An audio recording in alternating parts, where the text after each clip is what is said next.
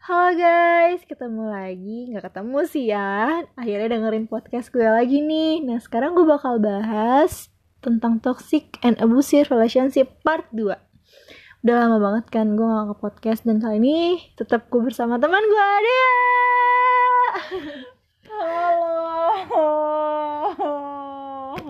Dea semangat dong Dea. Semangat gak sih? Kita kan mau sama-sama sharing nih buat apa namanya uh, tentang toxic and abusive relationship. Nah di sini kita bakal lebih fokus buat ngebahas uh, saran, solusi, tips nih dari uh, teman-teman teman-teman sosmed gue lah ya dan teman-teman dunia nyata gue juga yang udah sembuh dari toxic and abusive relationship Yeay, karena udah sembuh, alhamdulillah. Pulih kali ya lebih tepatnya. Mm-mm, benar, Ah, nah. bisa bisa pulih.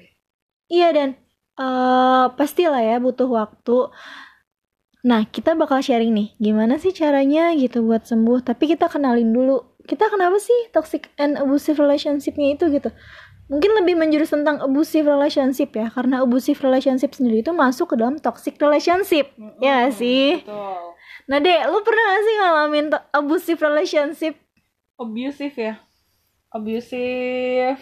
Pernah, pernah, pernah, pernah. Pernah, pernah banget abusive. Karena Apa tuh? ya tahu kan ya sebenarnya teman-teman abusive itu apa udah dijelasin kan ya yang buat Di part podcast pertama. sebelumnya. Mhm. pasti pernah sih apalagi ketika lo lagi berantem sama seseorang ya dalam relationship lo lah gitu kadang-kadang ketika lo di puncaknya emosional bakal keluar tuh bahasa-bahasa yang bikin relationship kalian jadi sesuatu relationship yang abusive Itu bahkan masuknya kekerasan verbal ya. Iya, betul banget. Pinter ya safety. Ya kan gue juga belajar dari teman-teman gue yang tadi sosmed eh, dunia maya ataupun dunia nyata kayak Mm-mm, gitu. mm-mm. Nah terus cara lu ngadepin itu gimana sih? Kan pasti kalau misalkan kita udah sayang banget nih, pasti kan mikirnya ya udah sayang udah lama juga hubungannya, udah sayang banget tuh pakai hati, susah lah buat ninggalinnya. Lu gimana sih cara keluar dari zona abusive relationship itu? Sebenarnya ya kalau udah sayang ya gimana ya? Ada kalau gue pribadi keluar dari zona abusive tuh gue ngediemin dia dulu sampai dia sadar Kesalahannya. apa yang dia salahin dia. Yang dia ngediemin- tuh salah gitu. Hmm, kalau gue ya ini pribadi. Hmm. Gue ngediemin dia sampai dia pasti dia kalau misal yang gue alamin sih dia responsif orangnya. Hmm. Maksudnya Dia responsif gini Langsung gimana? respon. Apa yang gue lakuin misalkan gue jadi ngediemin. gitu, Nah. Dia peka lah intinya ya. Mm-mm. Dia peka. Untungnya peka kan karena Hmm. ada juga kalau ketika kayak gitu terjadi kayak gitu ada yang dia diem dan Hmm. untungnya dia orang yang relationship gitu. eh relationship maksudnya responsif ya jadi kayak responsif ngerasa ya benar ngerasa benar gitu benar kan. responsif gitu anaknya dia responsif nanya atau agresif nih beda beda tipis Beda ya. kan ya beda tipis banget gitu responsif kali ya soalnya kan dari apa yang gue lakuin dia langsung memberikan oh ternyata dia kayak gini gitu ya langsung memberi respon dia dia diemin gue nih. Dia ngerasa gitu. Mm-mm. ya sampai akhirnya ya kita akhirnya introspeksi diri. Dan tetap ujungnya ngelakuin eh anjing lah sorry nih ya. Hmm, eh anjing kasarnya lah. Eh anjing lah lo juga gini gini gini berantem lagi Hmm. ujung-ujungnya berantem lagi. Gue udah ngediemin dia. Ya kita mah perempuan kalau kita digituin terserah lah. Hmm. udah sampai ke tahap itu terserah lah gitu. Tapi menurut gua kalau yang kayak gitu tuh yang malah kayak masih mikirnya pakai logika. Kan ada yang kadang terlalu pakai perasaan banget gitu sampai kayak Hmm. dia tuh oh eh, ih gue nggak tega kalau eh, ngediemin dia lama-lama. Pas udah dikasarin pun kayak masih kasihan gitu sama dia karena terlalu pakai perasaannya dia. Ah, itulah Gitu. wanita ya. Nah terus lu gimana? Ya ketika itu ya akhirnya gue memutuskan untuk gue nggak bisa sama dia. Karena Hmm. mungkin gue bukan tipe orang yang yang nunggu-nunggu kalau udah disakitin ya gue nggak bisa gitu Hmm, gue. Ya, logika logika lu masih jalan ya. Iya iya alhamdulillah ya kak. Alhamdulillah. Cuman gue yakin banget banyak temen-temen lo yang di dengerin podcast ini pasti ada banget orang-orang yang pakai perasaan gitu. Iya. Kalau lo pribadi gimana sih, Chef? Gue sih kayaknya ngerasa lo lo yang sebenarnya punya pengalaman kayak gitu sih. Karena dia tadi lo yang responnya gimana sih kalau sayang banget gitu. Iya. Tuh kan, apa gue bilang? ada sih ada Aha. tapi ya sebenarnya kayak eh, nggak nggak jarang juga gitu gue ngalamin itu cuma ya kalau gue pribadi itu setelah justru gue baik-baik ajanya itu setelah hubungannya selesai gitu. Kayak udah jadi Hmm. mantan nih Mhm. gitu kan. terus kayak ya udah malah kayak saling dewasa saling cerita saling sharing saling diskusi juga asik. Malah kayak gue pernah gue pernah nih kemarin kan gue mau demo. Eh bukan mau demo kayak ya Aduh. niatnya gue mau ikutan demo jelas sosokan banget kan gitu.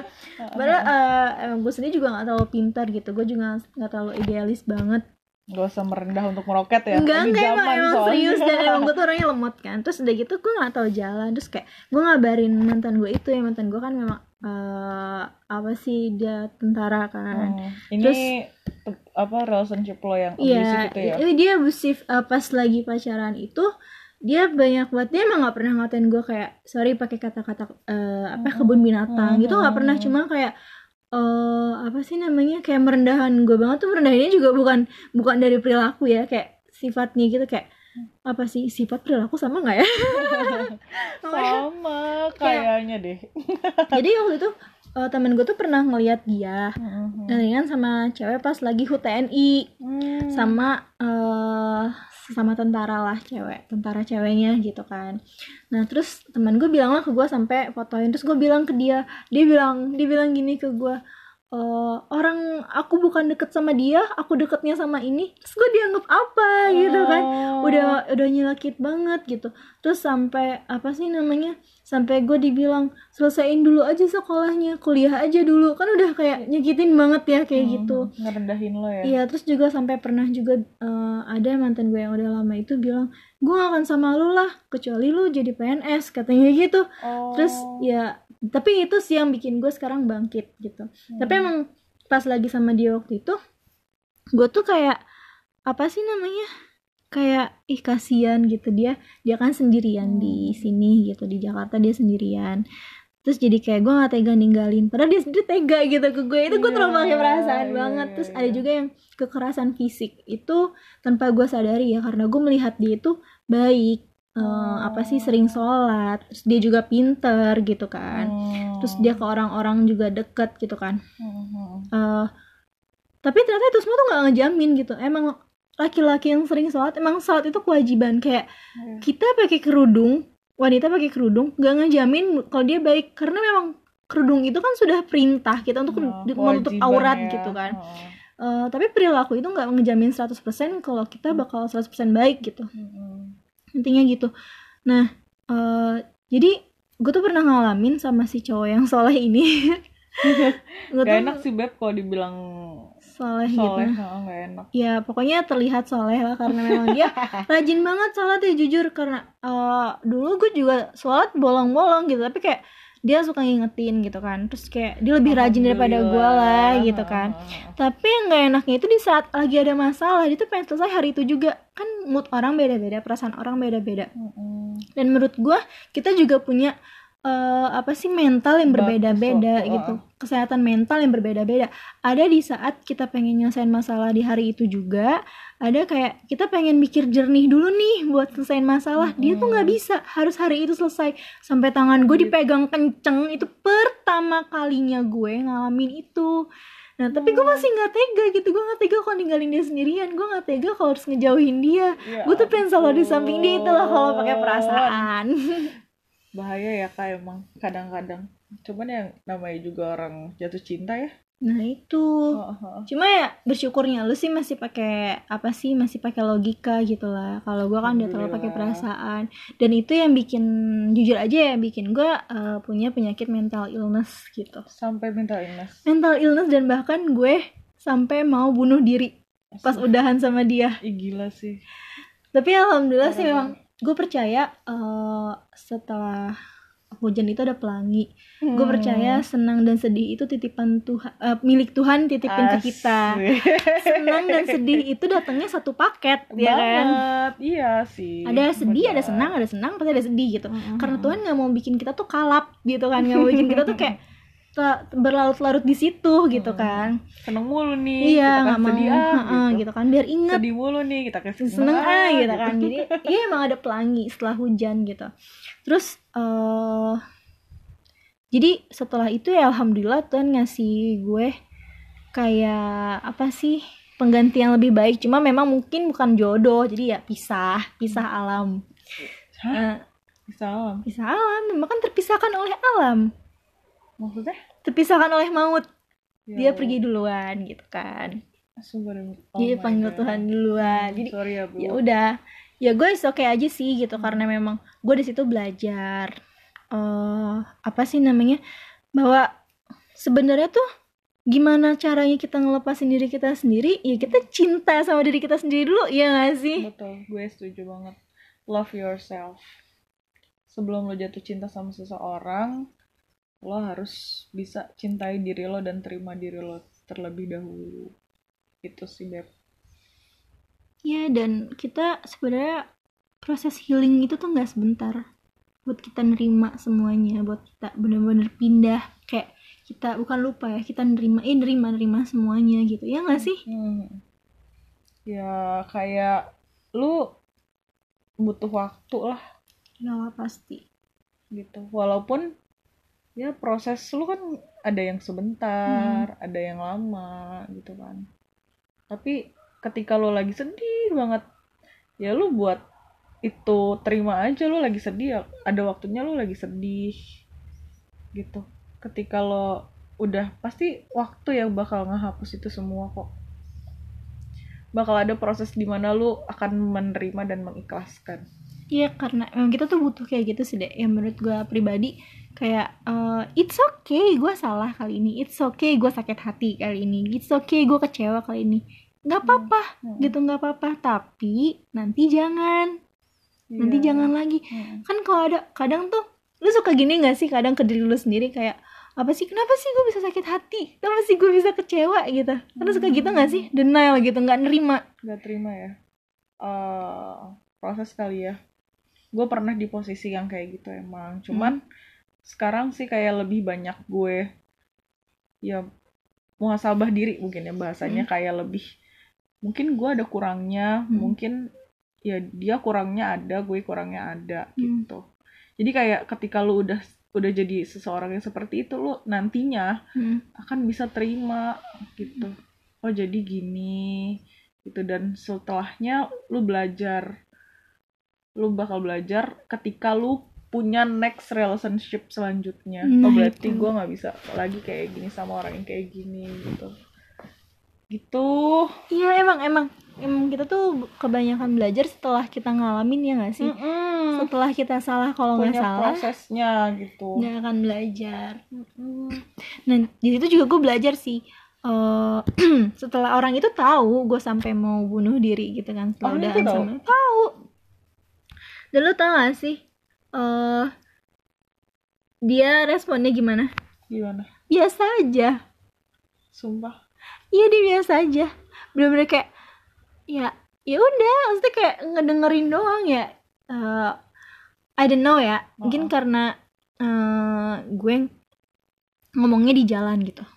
Gue ngomongnya pas lagi di jalan, entah ke bawah angin kah omongan gue gitu Oh, kan. Anginnya terlalu ngegelebuk gitu.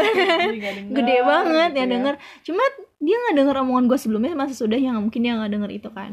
Tapi gue juga nggak ngerti lagi sih kenapa. Tapi dari situ gue tahu oh berarti memang eh, Tuhan tuh nggak salah ngejauhin gue sama dia. Karena memang dia bukan orang baik. Dan gue kan biasanya sama mantan baik-baik aja nih. Iya. nggak ada yang sampai berantem. Malah gue kayak ngurusin dia nikah gitu kan. Iya. Iya gue ngurusin gitu. Terus kayak Mhm. gue pernah udahan sama mantan gue yang satu kampus. Dia bilang dia suka sama temen gue oh. Itu gue udahan pas 4 bulan 4 bulan atau 5 bulan 4 bulan kemudian dia bilang dia suka sama temen gue oh. Gue comblangin. Udah Sampai- se ini banget ya udah deket jatuhnya Ya, karena sama gue mantan mikirnya- sendiri. gini gak sih? Kita tuh eh apa sih sama mantan udah kayak tahu kurangnya gimana gitu kan jelek-jeleknya gimana walaupun orang bisa berubah gitu. Tapi kan kita ibaratnya dia tuh pernah ada di hidup kita kita Ya. pernah ada di hidup dia Iya, gitu. betul sekali. Dan kalau dewasa kan kayak sebelumnya kan kita teman kita baik-baik aja. Masa iya udahan ini cuma gara-gara ini mau berantem ya cuma bukan eh cuma sorry sorry. Ya bukan karena eh, dipikirnya apa sih namanya ini kan sakit hati ini bawa hati. Kalau kita mikir gitu terus kita nggak akan dewasa dewasa gitu kan. Hmm. justru kayak kalau misalkan kita nggak bisa baik-baik aja sebagai pacar ya harus bisa baik baik aja sebagai temen benar Iya Iya. sih Hmm. jadi ya sih lo termasuk berarti lo udah ini udah masuk ke tahap lu sudah ikhlas iya sudah kayak ya udahlah ya let it go Nah, justru yang bikin gue ikhlas itu karena gue temenan sama mereka. hmm Gitu, iya jadi kayak, Haha. Ya udah, eh, apa sih? Gue tetap baik-baik aja kok sama kalian gitu kan. Jadi tetap nerima kalian sebagai teman gue dan gue punya komitmen. Sekali lo jadi teman gue, jangan pernah bawa perasaan. Kalau bawa perasaan gue gak mau deket. gitu. Jadi Iya, berarti kan iya, gini iya. ya, eh, gimana cara kita bisa nerima abusive relationship itu sendiri kan? Berarti emang dari diri kitanya sendiri gitu. Iya, emang harus bener. keras sih yang susah tuh keras dan Belajarnya gimana ya. resikonya anak belajarnya itu yang susah butuh perjuangan banget sih banget apalagi kalau lo tadi bilang tadi yang lo udah sampai pakai perasaan eh. Itu bener-bener sih ya gue pakai perasaan iya, banget. kalau udah sampai bener-bener ya emang sih lo ngejalin suatu relationship pakai perasaan ya. Nggak bohong lah lo pasti pakai perasaan juga gitu. Walaupun ya lo bilang tadi gue sedikit pakai logika tapi tetap pakai perasaan juga ada lah, perasaan gitu kan melibatkan ya. perasaan di Hmm, sana. sakit hati ya sakit hati lah gila lo siapa yang sakit? Udah sayang sayang kayak gitu kan Mm. dikecewain banget lah ya Mm-mm. gitu kan udah nganggap dia baik yang terbaik lah buat kita Iya. gitu kan makanya kita memilih dia jadi pasangan kita Tuh, gitu berarti kan ya kita punya perasaan yang lebih daripada orang lain Hmm. ya nggak sih sehingga kita mau menjalin sesuatu relationship sama dia sama kan? dia Hmm, memilih dia untuk jadi seseorang yang bisa jadi pasangan kita ya walaupun belum ke tahap yang sangat serius gitu ya Hmm. Tapi ya intinya lu gitu yang jadi pasangan gue saat ini gitu kan. Pacar gitu kan Mm-mm. maksudnya. Gitu. Tapi selain itu tuh ada gak sih faktor yang bikin lu tuh bisa ngejauhin kalau gue pribadi? Kan kayak eh kalau ada cowok yang gak baik sama gue, gue pasti mikirnya kayak buat apa gue bertahan sama cowok yang nyakitin gue sementara di luar sana teman-teman gue, sahabat gue gitu kan, keluarga gue, orang tua gue yang gak pernah berhenti buat sayangin gue dengan tulus. Apa sih faktor lu apa apa sama juga kayak gue atau ada yang lainnya atau karena kayak ada wejangan kah dari orang tua gitu. Hmm. faktor gue mungkin tadi ya love myself Hmm. sebelum lo cinta sama orang lain ya lo cintain diri lo sendiri gitu ya gue cinta sama diri gue gue sayang sama diri gue karena ya karena gue cinta sama diri gue Hmm. ya gue kayaknya nggak pas gitu buat dilakuin kayak gitu lu nggak nggak lu nggak pantas dilakukan kayak gitu, gitu. diperlakukan Kayak- dengan cara itu gitu Iya. ya mungkin ya bahasannya sombong banget ya. Enggak lah ya. Mungkin enggak karena gue semua menghargai diri gue Hmm. sebelum gue bisa menghargai dia gitu. Dia dia nggak bisa menghargai gue Hmm. gitu. Ya untuk apa gue ada di ada bersama dia? Padahal Hmm. perasaan gue ke dia lebih daripada orang lain. Lebih gue berikan lebih gitu. Hmm. kayak misalkan ke teman-teman gue kan temen-temen ya. Iya temen ya gue kasih 40% dia gue kasih 60% lebih dong. Ya banyak banget dong. Misal benar. misal. Persentasinya gitu loh. Kayak Iya 20% sih. lebih kan. Hmm. gitu. Malah kadang kita tuh sering banget ngorbanin teman kita buat eh, pasangan kita gitu. Padahal kalau misalkan teman itu kan nggak kayak teman dekat apalagi sahabat gitu kan. Mm-mm. kalau sahabat sih ya beda ya. Nah, kayak sahabat beda. sering banget gak sih ngorbanin sahabat gitu kan rela gak ketemuan sama sahabat demi ketemuan sama Hmm. pasangan. Tanpa kita sadarin. Padahal pasangan tuh sering ngecewain gitu. Terus kalau udah kecewa pasangan balik lagi sama sahabat. Balik lagi sama sahabat. Siapa lagi yang tempat keluh kesah kita gitu? Mau orang tua langsung kan nggak mungkin dong. Mm-mm. Ya kan? sahabat dulu ya kak. Pasti sahabat dulu larinya. Siapa nangis sih? Siapa ke sahabat dulu? Ngeluhnya ke sahabat dulu gitu kan. Tapi sering banget kita, kita tuh terlena kayak dia yang lagi nyenengin gue dia lagi bahagiain gue gitu kan. Hmm. Dia nih yang gue berikan perasaan gue yang lebih dulu Hmm. gitu. Karena mungkin karena ada percikan tadi kali ya. Percikan yang percaya. perasaan lo gitu. Nah, terus percaya sama dia terlalu percaya sih. Hmm. Iya gak sih? Kayak Iya. pasti kan yang kita kasih itu kepercayaan. Nyaman sih nyaman. Kalau dari nyaman. Nyaman. akhirnya percaya gitu kan. Nyaman jadi Jadi- sayang ya ya nah itu tuh salah satu kayak eh, peluang gitu. Makanya eh, buat kalian ya buat kalian yang walaupun masih muda kayak Hmm. oh gue masih 19 tahun masih 17 tahun 18 tahun lah yang belum 20 tahun gitu kan. Ya justru eh, mumpung kalian belum usianya belum lebih tua berpikirlah untuk kayak lebih pilih-pilih lagi dalam memilih pasangan gitu kan. Kita nggak akan pernah tahu jodoh kita sama siapa gitu. Kalau misalkan kita nggak kayak cuma ya gue suka sama dia dia suka sama gue udah jadian gitu Hmm. kan kita nggak tahu kalau misalkan dia sifatnya kurang baik terus kita udah terlanjur cinta sama dia kan kayak gue tadi main Iya. udah main hati banget terus ternyata dia nggak baik kalau dilanjutin hidup kita juga yang sengsara gitu kan Iya, kan lebih berarti lebih ke ngehargain diri diri sendiri kan deh bener kata lo yang tadi Hmm, love, love myself. yourself Yes, itu. Benar-benar. Kalau buat ngomongin kayak gitu sih ya banget ya, apalagi gue gue sih saranin buat yang masih muda, yang gejolak asmaranya masih menurut gue lebih lebih panjang ya, masih Hmm. panjang banget lah gila. Apalagi kita juga sebenarnya masih panjang ya, Kak. masih Cuman- panjang kok Eh, eh, masih panjang banget. Cuman kalau buat buat anak-anak yang kayak masih belasan tahun ya lebih baik nggak usah terlalu bucin-bucin banget lah gitu. Belajar aja udah belajar. Kalau mau pun punya relationship ya jangan terlalu over. Ya terserah misalkan lu dapetin orang yang abusive gitu. Lu belajar dari situ. Terus lu dapetin orang yang egois. Ya lu belajar dari situ. Lu banyak dong ya selama umur lo itu kan panjang pasti ya relationship lo Cuma maksudnya waktunya jadi kebuang sia-sia aja kalau sampai milih salah milih orang ya. Emang sih kalau kita nggak salah kita nggak akan belajar. Cuma ya meminimalisir kesalahan lah. Mau gunain waktu buat yang lebih berharga lagi. iya. Aduh kakak safety nih kayaknya punya banyak banget relationship yang salah sini ya. kan gue juga ngelihat dari uh, dunia ma- dunia maya maupun dunia nyata gitu kan. Kebanyakan dunia nyata juga ada yang kayak gitu. Abusive relationship ya.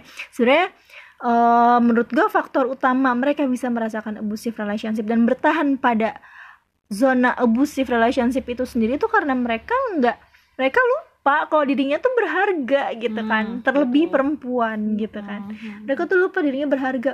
Perempuan eh, sorry ini gue bukan rasis eh, rasisme ya kayak membahas satu gender gitu. Tapi eh, kita lihat kayak perempuan kadang eh, sering bukan kadang sih banyak banget yang bisa multitasking Mhm. ya kan? Mhm. terus kayak eh, ada yang perempuan bisa betah sendirian gitu nggak nggak punya pasangan. Tapi banyak laki-laki yang nggak bisa tanpa perempuan kayak gitu kan. Nah, jadi di situ aja udah bisa kelihatan kalau kita tuh sebenarnya berharga banget. Terus ada nggak sih dek kayak eh, saran masukan atau tips atau solusi buat yang teman-teman yang lagi eh, merasakan abusive relationship itu sendiri kan abusive relationship itu jadi ada dua kan ada Mhm. kekerasan verbal verbal itu kayak ucapan, Ucapan. terus eh, fisik gitu fisik itu kayak misalkan ditonjok digampar kayak gitu gitu Hmm. atau menurut gue dipegang dipe tangan kita dipegang keras gitu kan Hmm, ditahan gitu Mhm. ditahan walaupun in, walaupun niatnya mau nyelesain masalah tapi termasuk abusive relationship kan? Mhm. ya gak sih? Menurut lu Iya, gimana? kekerasan ya Beb ya. Hmm. sampai apalagi lo kan sampai diremet banget gitu kan sama dia ya? Iya di- ditahan dulu, ditahan ditarik gue nggak boleh pergi dulu gitu. Dan itu tuh kayak depan umum. Hmm, jadi Ya, kayak kelihatan banget banyak kalian yang- lagi berantem ya? nggak banyak yang lihat cuma kayak Hmm. "Tuh dulu selesaiin dulu gitu. Di depan pintu kosan ya ampun gerbang gerbang kosan sih bukan pintu kosan gerbang kosan oh itu dilaluin banyak orang gitu kan Mhm. cuma kayak em untungnya lagi gak banyak orang jadi kayak dilaluinnya sama eh, yang penjaga kosan aja cuma kan tetap aja malu terus kayak sebenarnya mungkin menurut gue itu udah diliatin kan cuma Hmm. memang karena salah gue aja nah menurut tuh harus gimana sih kalau misalkan ada yang orang-orang kayak gue lagi atau tips-tipsnya gitu gitu ya Mm. Ya. sebenarnya sayang banget ya kalau ya pasti itu pasti terjadi ya Hmm. mau itu lo ditarik mau itu lo didorong ada yang dijambak dipukul tadi tuh. Ataupun dikasih kata-kata yang mungkin nyakitin lo sorry misalkan. Kayak seperti anjing lah misalkan. Hmm. Ah, mungkin ada beberapa orang yang nggak sakit hati. Hmm. cuman ada mungkin beberapa relationship yang tidak bisa menerima kata-kata itu gitu jangan kan itu kayak dibilang suatu oh, relationshipnya gitu oh, mending mending mending gue sama si ini daripada sama sama lu gitu kan. Terus kadang kayak Hmm, merendahkan Oh, ya iya kayak kayak tadi kan gue dibilang kalau gue akan serius sama lu kecuali jadi PNS kayak gitu. Hmm. apa sih orang gue bukan sama dia?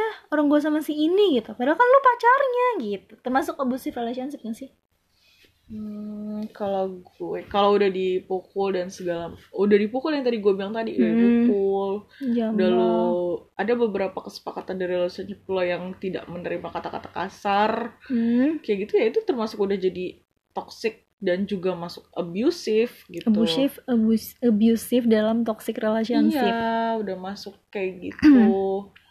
ya itu gak baik buat bu- buat pihak yang jadi korban. Hmm. Iya, iya pasti. kan? Itu nggak baik. Dan kalau udah masuknya ya namanya juga toksik ya. iya. Udah toksik ya lebih baik dihindari. Ataupun udah lo selesain aja gitu. Hmm. daripada lo terus-terusan disakitin kayak gitu. Atau lo menerima rasa perasaan yang yang ya ampun gue diginiin direndahin dan segala macam gitu. Hmm, yang udah nggak menghargai lo banget gitu. Di suatu di, di relationship itu lebih baik lo udah stop hindarin Hmm. kalaupun lo masih punya perasaan-perasaan kayak gitu lo harus bisa buat pasangan lo itu nggak ngelakuin itu lagi ke lo sulit kalau udah watak kalau udah kayak bener-bener gak bisa ya lu harus sayang sama diri lu balik lagi ke Hmm. love yourself tadi gitu sadar dia tuh berharga gitu Hmm. Tapi ada kan beberapa orang-orang yang kayak gue sayang sama dia, nggak bisa Hmm. Nggak tega. gitu. Gue nggak bisa sama dia walaupun udah dipukul tetap aja gue sayang sama dia gitu. Balik ya ampun lagi. bucin banget gitu ya kan. misalkan kan ada ada nih kayak eh, sekitar gue yang udah pernah ngalamin yang namanya abusive relationship fisik ya Hmm. fisik maupun verbal Hmm. dialamin terus eh, udah nih ntar putus tapi pasti cowoknya nggak deketin lagi ngebaikin lagi balikan lagi kayak gitu nah itu tuh terus gitu continue sampai beberapa tahun gitu Ya kuat banget ya. nah itu kuat dia banget. makanya mungkin dimulai dari diri sendiri ya berarti semuanya juga Benar gitu. love yourself terus Heeh. memang semua memang butuh waktu gitu kan cuma pikirlah diri lu tuh berharga gitu kan Yap. kalau misalkan lu ngerasa disayangin sama dia seberapa sayang sih dia sama kita gitu kalau misalkan dia sayang nggak mungkin dia kayak gitu gitu kan karena gue Hmm. merasakan karena ya yang tadi lu bilang bener kita akan merasakan betapa berharganya kita betapa betapa nikmatnya dicintain dengan sangat tulus gitu di saat kita benar-benar di ngertiin gitu kan. Tapi kan memang semuanya dimulai dari diri sendiri love yourself gitu. Dan kita butuh waktu buat healing healing. Hmm. kayak nerima gitu nerima keadaan gitu. Terus juga eh, pikirin orang-orang di sekitar kalian yang sayang sama kalian ya nggak sih? Iya. justru kayak menurut gue Bukan cuman hmm, karena yang sayang sama lu lu masih punya orang tua. Kalaupun emang orang tua lu juga begitu lu masih punya saudara. Kalaupun or- saudara lu juga kayak gitu lu punya temen sahabat. sahabat gitu.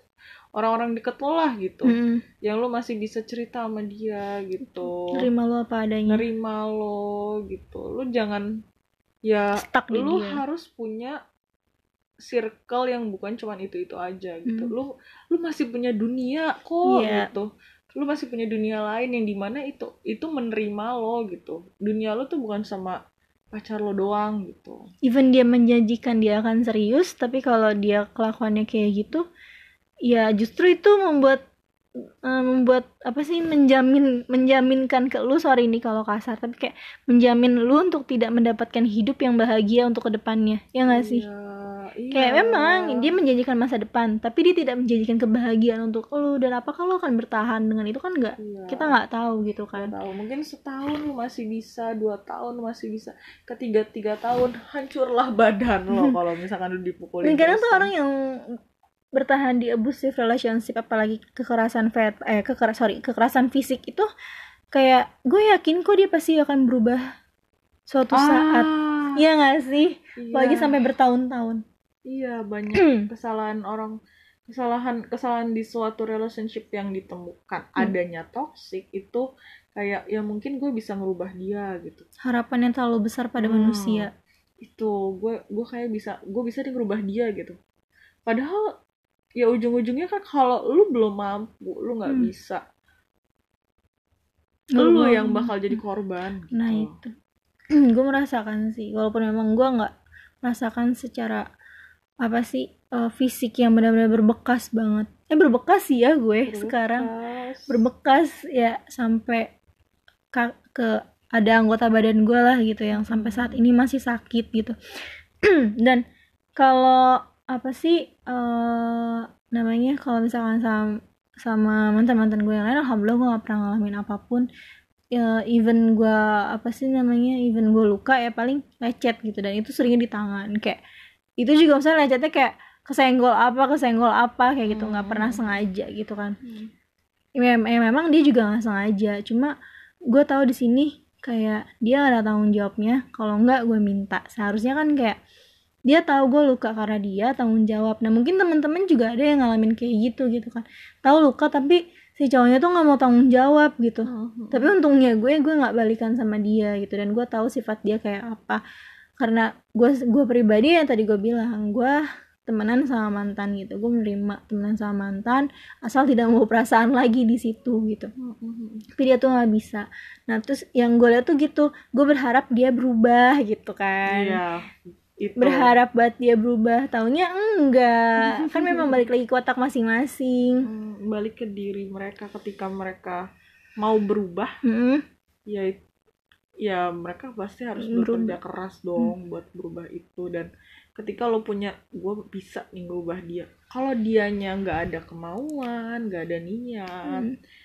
usaha lo bakalan sia-sia ya gitu bakalan gitu. buang coba buang waktu dan aja ketika lu mau mau benar-benar mau ngerubah dia dan lu belum siap Hmm. sebenarnya gitu Hmm, dalam hal mental iya niat lu cuman kayak gue mau ngerubah dia karena dia melakukan hal-hal yang kurang baik misalkan. Mm-mm. kurang baik banyak ya Banyak banget. Mm. ya kalau dia pun gak gak ada kemauan gak ada niat. Gak niat bener-bener gitu kan. Ya lu bakal sulit buat ngerubah Iya. seseorang Iya gitu. itu saya seharusnya semua itu dimulai dari diri sendiri gitu. Kita Itu. perbaikin dulu di dalam diri kita baru kita bisa ke orang lain. Kalau kita belum Ya. baik ya bukan berarti kita nggak bisa punya pasangan tapi Hmm. seharusnya pasangan itu eh, bisa saling menerima satu sama lain kayak maksudnya gini lah kalau misalkan lu merasa dia nggak baik berarti kan lu belum bisa nerima belum bisa nerima sikap dia seutuhnya belum bisa Hmm. nerima diri dia seutuhnya karena lu masih ngerasa dia masih punya sifat yang nggak baik dan lu masih belum bisa terima gitu kan atas sikap dan Hmm. sifat dan tingkah laku apa pun itu yang ada dalam diri dia gitu karena eh, memang semua orang tuh nggak ada yang sempurna dan cinta itu tidak melihat kekurangan kan Iya. cinta itu cinta cinta itu mempersatukan kekurangan satu sama lain tapi di saat kita udah nggak bisa nerima itu udah insting gak sih sebagai cewek kayak dia nggak baik buat gue gitu Mm-mm. Awalnya sih kayak punya gitu gak sih? Iya. gak mungkin nih gue dilanjutin sama dia Iya gak sih kayak Iya. soalnya udah udah punya kayak gitu cuma kadang eh, hati itu suka mengalahkan otak mengalahkan logika Iya. ya gak sih kayak ada perasaan gak tega gak mungkin lah gue udah deket sampai sejauh ini Iya. terus gak nggak diterusin padahal merugikan diri dia sendiri Sayang jadi banget. intinya gimana nih dek harus gimana sih kalau menurut lo pribadi Ya itu mencintai diri lo sendiri terlebih dahulu sebelum lo mencintai seseorang. Biar lo tahu betapa berharganya lo. Hmm. gitu. Jadi ketika lo membangun suatu relationship, ya relationship itu sebisa mungkin tidak tidak terjadi toxic yang ada menimbulkan suatu kebahagiaan lo gitu kan. kalau bisa. Tapi ya memang relationship seharusnya menimbulkan kebahagiaan apa pun itu namanya juga atas dasar cinta ya. Hmm itu. Kalau memang benar-benar cinta yang namanya cinta itu ya apa namanya impossible sih ya. Kalau misalkan kita sama-sama manusia eh, nggak uh, ada nggak ada nggak nyakitin sama sekali gitu. Pasti adalah sengaja atau enggak ya nggak sih? Mm, kayak nggak ada yang kayak, sempurna iya ya. temenan aja kadang ada kayak nggak sengaja nggak niat nih ngomong nyakitin tetap nyakitin hmm. gitu kan. Apalagi hubungan pacaran. Nah tapi balik lagi ke diri kita kita cintai diri kita sendiri jangan terlalu berharap banyak sama manusia gitu kan. Sebelum kita berharap kita dibahagiain sama orang lain kita harus bisa bahagiain diri kita sendiri dulu mm-hmm. jadi jangan ketergantungan sama orang lain juga ya gak sih mm-hmm. Betul jangan, jangan ketergantungan kayak lu bisa kok bahagiain diri lu sendiri dengan berbagai cara gitu yeah. yeah, yeah. terus uh, lihatlah di sekeliling lu lu selama ini uh, kalau misalkan merasa nggak punya temen coba deh lebih deketin lagi Tuhan ya gak sih? Baik lagi itu, sama Tuhan. jadi menurut gue tuh gak ada penyakit yang gak bisa sembuh kalau kita deket sama Tuhan. Hmm. ya gak sih? Kalaupun memang kita dikasih kesembuhannya lama seenggaknya Tuhan tuh udah baik buat ngurangin dosa kita. Kan katanya kalau orang sakit itu uh, dosanya diampuni termasuk orang yang sakit hati. Ya gak sih katanya sih biasanya diampunin boleh, gitu kan ya semoga aja amin gitu. Terus uh, kita mohon sama Tuhan buat dekat lagi sama Tuhan deketin Tuhan lagi gitu ya. Menurut gue sih itu udah cara paling menenangkan diri sendiri gitu dan paling mengenali diri kita tuh seperti apa sih gitu. Kita kenal diri kita kita dekat sama Tuhan terus kita uh, tahu yang sayang sama kita tuh sebenarnya banyak. Cuma memang kita nggak buka mata karena kita terlalu fokus sama satu orang yang udah nyakitin kita jadi kita mengorbankan kebahagiaan kebahagiaan kita buat kebahagiaan orang lain yang udah jelas-jelas nyakitin kita. Mm-hmm. Ya nggak sih? Mm-hmm. Banget banget. Yep. Ada tips lagi nggak nih buat terhindar dari toxic abusive relationship? Iya, pokoknya intinya kalau lu bener-bener mau menghindari ya, hmm. ya lu harus sebisa mungkin sayang sama diri lu balik lagi sih. Hmm karena lu terjadi toxic dan abusive ya karena lu kurang sayang kali ya sama diri lu sendiri. Sehingga hmm. seseorang bisa punya celah buat nggak ngehargain hmm. lu gitu. Karena lu juga gak ngehargain diri lu sendiri. Hmm, dan good gitu ya. Kalaupun lu susah buat ngelupain seseorang uh, di relationship lo yang melakukan abusive kayak gitu ya let it go aja gitu loh. Let it go gitu. Tapi ya gue merasakan sih uh, berada dalam zona toxic relationship dengan abusive relationship kekerasan fisik gitu kan. Secara verbal dia nggak ada kekerasan sama sekali justru dia orang yang lembut gitu. Cuma uh, secara fisik ya tadi gitu kan. Makanya sampai benar-benar nyakitin gue itu karena gue udah kena mental illness sampai gue mau bunuh diri gitu Hmm. Udah itu udah parah banget sih dan pasti kan kaget parah nih. Banget. Kayak kenapa sih gue sampai illness. mau bunuh diri gitu. Hmm. Karena memang gue terlalu percaya sama dia, gue terlalu banyak harapan sama dia gitu. Hmm. Dan pada kenyataannya dia sendiri masih belum jelas masa depannya kayak apa ya. Gue berharap kayak dulu gue berharap gue sama dia sekarang kayak jujur aja memang gak ada perasaan apa apa lagi setelah gue tahu dia bukan uh, orang yang bertanggung jawab juga gitu kan bukan uh, orang yang bisa gue harapin bukan orang yang terbaik buat di kehidupan gue selanjutnya hmm. ya untuk saat ini dan uh, ke depannya semoga gue bisa dapetin yang lebih dari dia gue sih gitu kan mikirnya dan ternyata ada cuma memang belum jodoh juga hmm. jadi ya uh, ya gue sendiri juga kayak ya udah perbaikin diri dulu ya gak sih? Jadi sebelum jadi sebelum kita ke orang lain kita perbaikin diri kita sendiri baru kita baru kita bisa membantu orang lain untuk bisa memperbaiki diri dia juga. Kalau dia juga mau. Kalau dia enggak sama aja.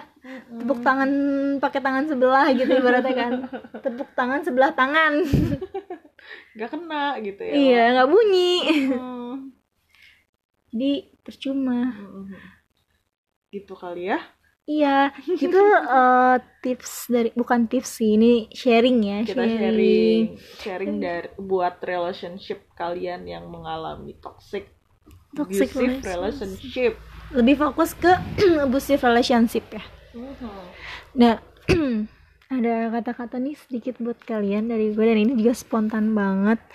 uh, buat kalian yang lagi ngalamin toxic relationship terlebih abusive relationship apalagi kekerasan fisik maupun verbal cobalah lihat diri kalian sendiri sebelum kalian kenal sama dia gue tahu pasti ada uh, saat di mana kalian lebih ngerasa berharga pas sama dia tapi tengoklah seberapa nyamannya kalian, seberapa bahagianya kalian sebelum sama dia.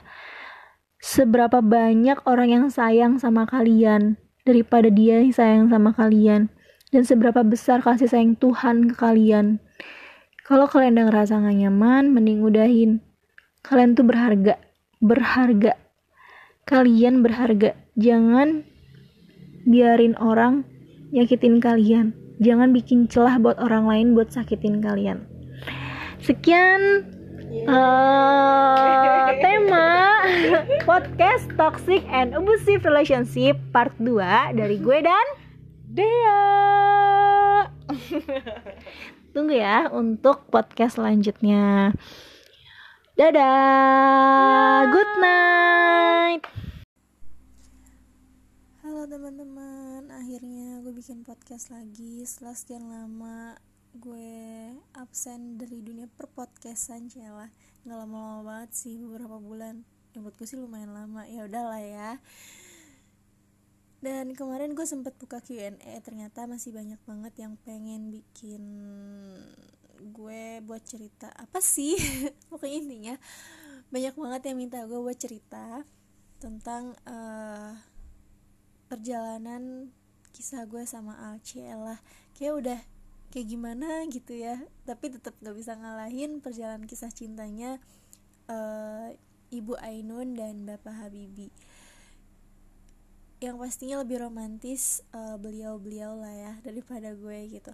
Cuma di sini gue pengen berbagi aja dan nanti ada sedikit masukan atau saran atau ya pokoknya dari pengalaman pribadi gue. Jadi uh, gue itu sama Al kenal udah lama dari zaman gue masih masih sekolah. Nah di situ gue nggak tahu kalau ternyata dia suka sama gue ya namanya anak apa remaja labil lah ya remaja gak sih? Ya remaja lah masih sekolah kan. Jadi ya gue nggak tahu kalau misalkan dia itu ternyata suka sama gue. Walaupun gue suka sama dia karena pertamanya ya dulu pasti ngeliat tampang dulu lah ya nggak munafik cila ya gak sih? Kalian juga pasti kebanyakan kayak gitu kan. Nah terus udah gitu aku ngeliat tampang tapi gue biasa aja. Gue lebih suka lebih ngefeelnya sama temennya dia. Ternyata dia manas manasin gue dong. Dia juga ternyata suka sama gue gila tuh? Nah terus akhirnya dia jadian sama temen gue buat manas manasin gue. Nah temen gue jadian sama dia buat manas mas buat manas manasin cowok yang temen gue suka. Dan uh, ya gue pikir kan kayak ya udah mereka jadi beneran jadian ya gue biasa aja dong. Nah terus nggak lama dari situ uh, mereka putus gue tetap masih suka sama temennya dia. Terus akhirnya kita lulus dia udah lulus duluan sih karena dia lebih tua daripada gue gitu. Terus ternyata dia sekolah pilot di luar negeri. Gue tetap di Indonesia gue kuliah di Indonesia tetap dan tetap masih di Kabupaten Bogor. Nah udah gitu selang waktu beberapa tahun gue sempat pacaran tiga tahun terus ternyata dia tuh masih suka juga sama gue gitu kan dan dia udah coba pacaran sama satu orang baru satu orang. Terus tapi ternyata nggak bisa ngelupain gue katanya sih gitu. Terus akhirnya dia lulus uh, dari sekolah pilot dan gue masih kuliah karena gue sempat nunda kuliah juga. Ya udah tuh kita dipertemukan lagi setelah gue mengalami yang namanya toxic relationship dan gue juga mengalami uh, abusive relationship itu kekerasan secara fisik ya. Disadari atau tidak disadari gitu kan.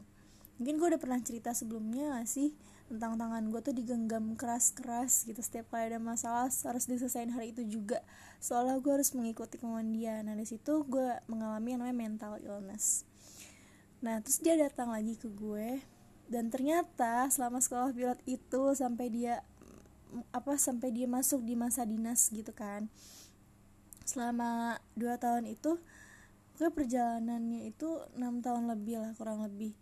Itu dia masih punya perasaan sama gue. Eh gila cinta sejati gak tuh? Nah dari situ kita mulai deket lagi tapi gue udah gak, gak percaya sama dia. Terus dia tunjukin tunjukin tunjukin dan akhirnya dia ngajak serius.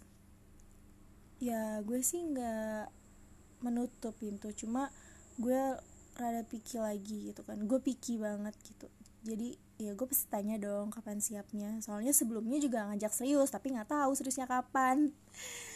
Nah akhirnya gue tanyakan siapnya kapan dan sampai di situ gak lama dia langsung di rumah gitu kan buat kita gue juga pertama kali ketemu sama dia diajak gue ke rumahnya dia langsung kenalin gue sama orang tuanya yang sebelumnya gue cuma kenal sekilas doang gitu kan. Terus dia kenalin gue sama keluarganya juga. Ya di situ gue bukannya tidak mau untuk mempublish keseriusan dia cuma memang gue bukan tipe orang yang suka uh, apa show up tentang pasangan gue gitu. Yang gue pacaran tiga tahun pun gue cuma posting lima kali. Lima kali lima kali itu pun disuruh. Nah udah gitu akhirnya setelah di situ gue coba gue masih nggak percaya dan sempat ada yang gangguin juga dari orang ketiga yang masuk gitu. Cuma ya kita bisa lihat sendiri kan di mana keseriusan orang lain. Kalau misalkan memang dia beneran serius sama lo dia pasti nggak akan uh, ke mana-mana. Siapa pun yang datang siapa pun tamu yang datang ke rumah lu ya dia pasti nggak akan ngebukain pintu sembarangan gitu kan. Nah ya udah akhirnya setelah uh, orang ketiga itu datang dari pihak dia ya dari pihak dia tapi dia nggak main buka pintu gitu aja. Dan di situ gue percaya kalau dia serius. Sampai ya nggak mungkin lah yang namanya hubungan mau pacaran atau enggak gitu. Apalagi komitmen. Nggak mungkin yang namanya nggak ada masalah. Pasti ada aja masalah besar. Ada gue permasalahan besar sama dia. Tapi kita sama-sama yakin bakal balik satu sama lain. Pada akhirnya Juni tuh udah ada udah ada hmm, niatan untuk mau lamaran. Mau lamarannya itu di bulan Desember tapi Juni pertengahan dia kecelakaan. Kecelakaannya hari Rabu. Hari Jumatnya kita mau mau ngomongin masalah lamaran. Padahal gitu kan. Tapi ternyata Tuhan berkehendak lain. Jadi ya udah deh nggak jadi gitu. Terus uh, selang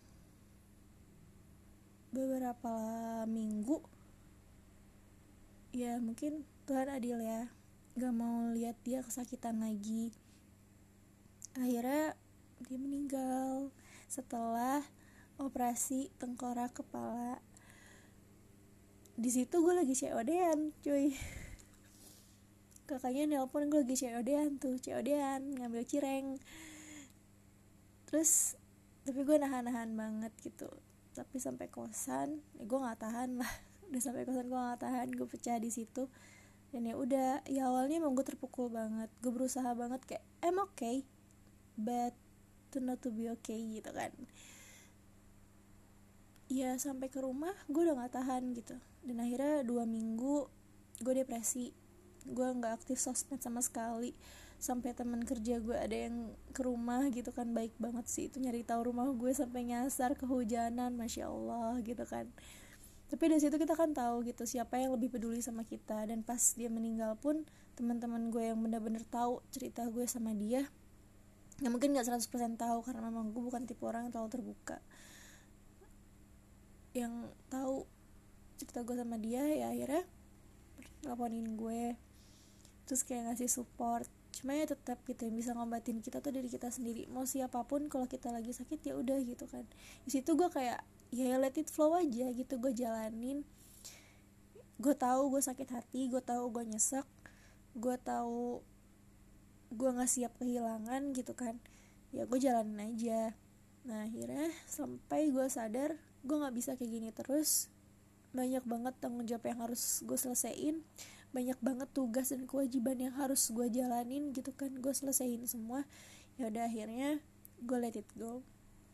Setelah let it go tapi gue dari situ jadi sadar kalau misalkan uh, jujur Al itu orang yang baik banget menurut gue.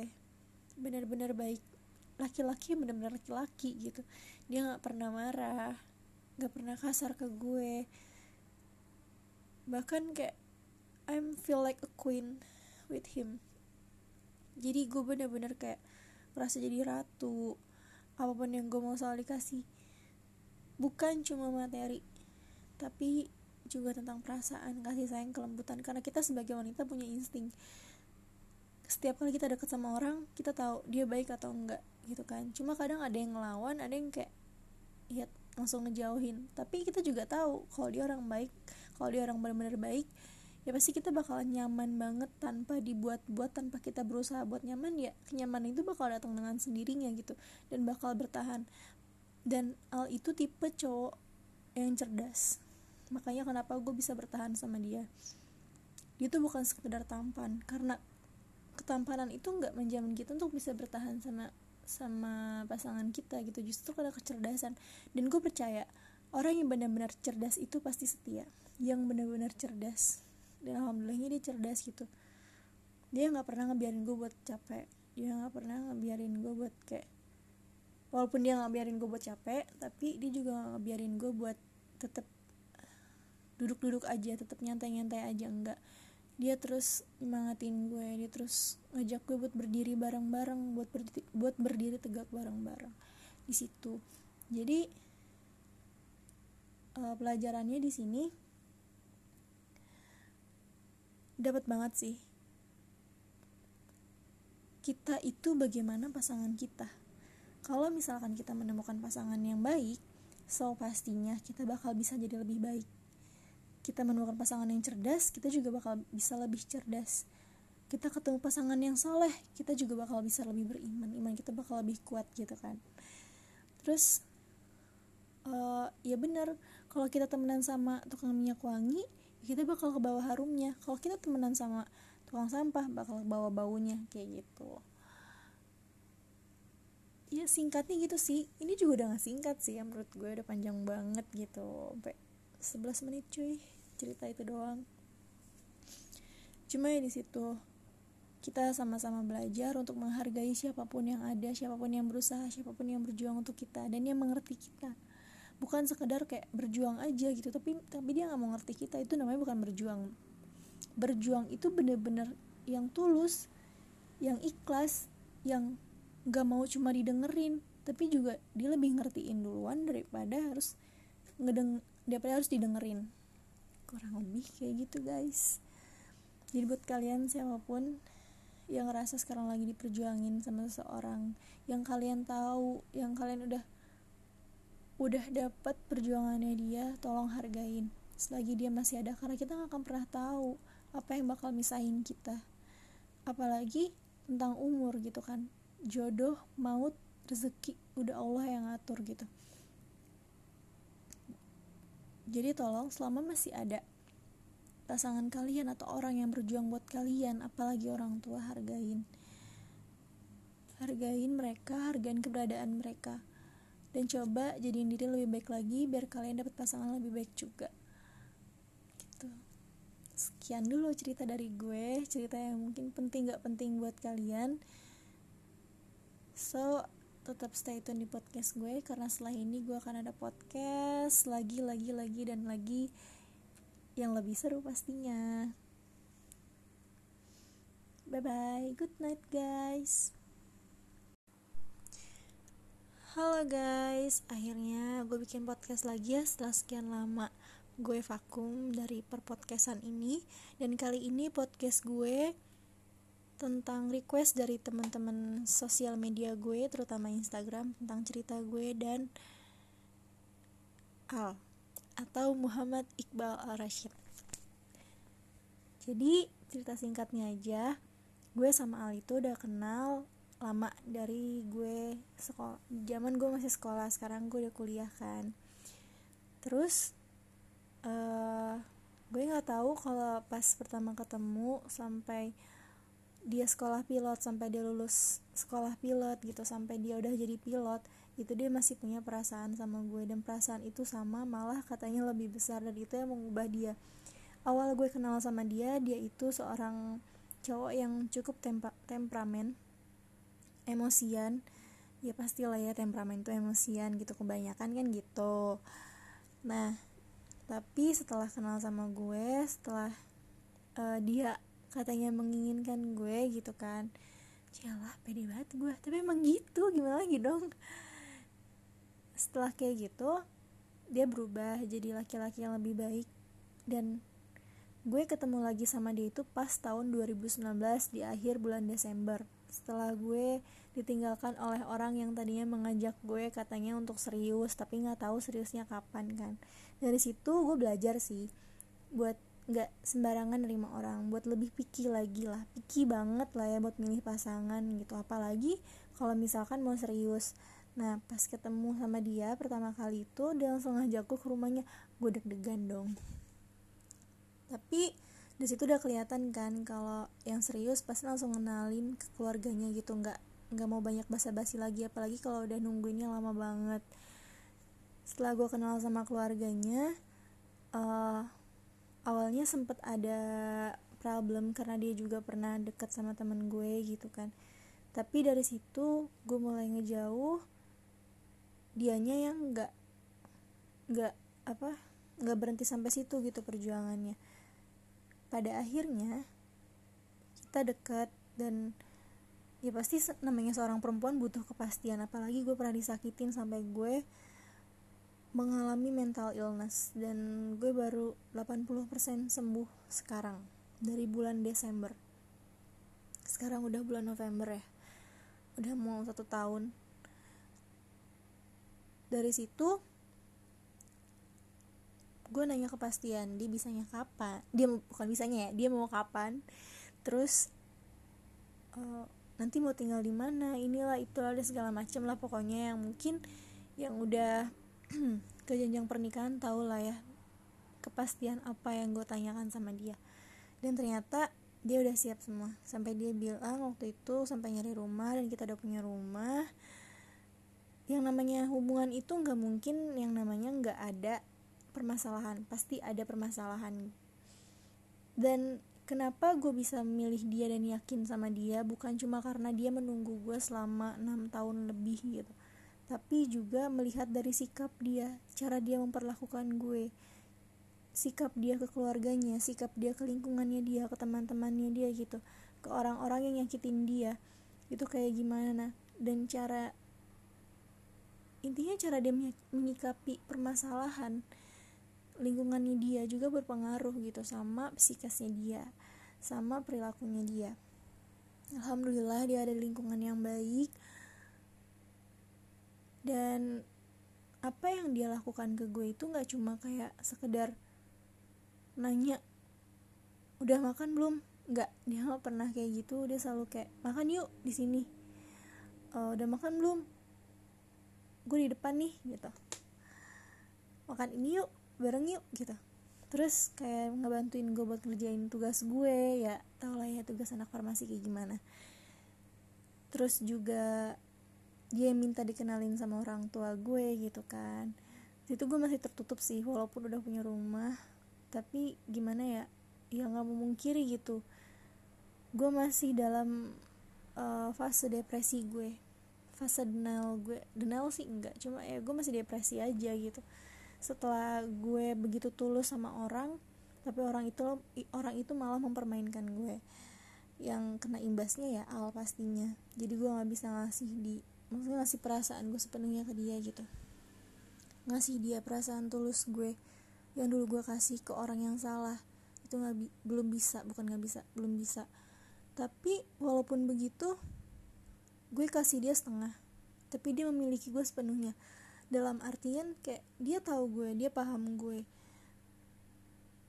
Dia yang lebih mengerti gue seperti apa gue bagaimana sikap gue bagaimana cara menghadapi gue tuh gimana dia lebih paham.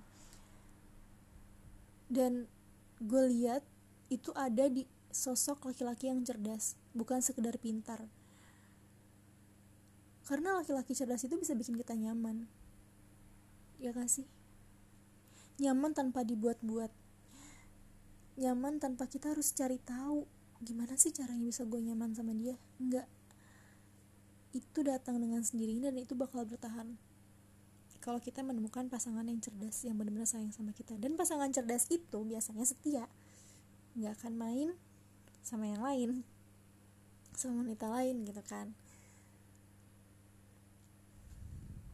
Terus uh, dari situ gak lama juga ternyata ada yang suka sama dia. Pastilah diganggu ini dari mana pun yang namanya ada hubungan. Hubungan hubungan tuh pasti ada aja pengganggunya tapi dia nggak pernah gimana ya? Nggak pernah ngeladenin banget gitu perempuan itu. Sampai gue tuh kalau sama dia sering banget sih teman-teman gue sampai pada bilang kayak lu tuh nggak kasihan apa sama dia ngediemin? Karena emang sifatku kayak gini ya. Namanya gue juga belum yakin gitu kan. Dan ternyata emang bener dia yang terbaik gitu pastilah kalau kita nemuin orang yang benar pasti teman-teman kita juga ngerasa orang itu benar gitu kan.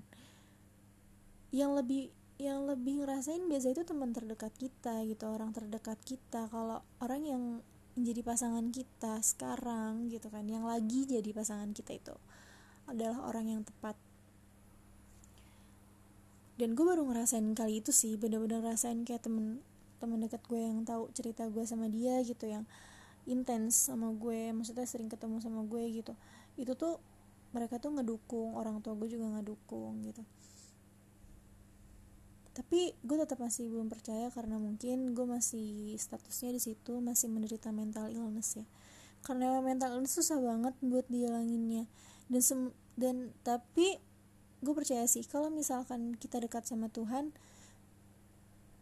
gak akan ada penyakit yang betah lama-lama dalam diri kita bertahan di diri kita gitu. Dia tahu tentang gue punya mental illness malah dia yang bayar psikiater dia yang bayar psikolog buat ngobatin mental illness gue itu. Gila gak tuh? Baik banget kan? Emang dia baik banget sih. Dan dia gak pernah hitungan. Dia juga bukan tipe cowok yang ngomong doang gitu. Kamu nggak boleh ini nggak boleh itu. Nggak. Justru kalau misalkan gue salah dia kasih tahu e, mau coba kayak gini gak nanti hasilnya gini gini gini. Ini perkiraan gue. Tapi kalau lu coba lu pikir lu pikir dulu. Dia selalu ngajak gue untuk berpikir.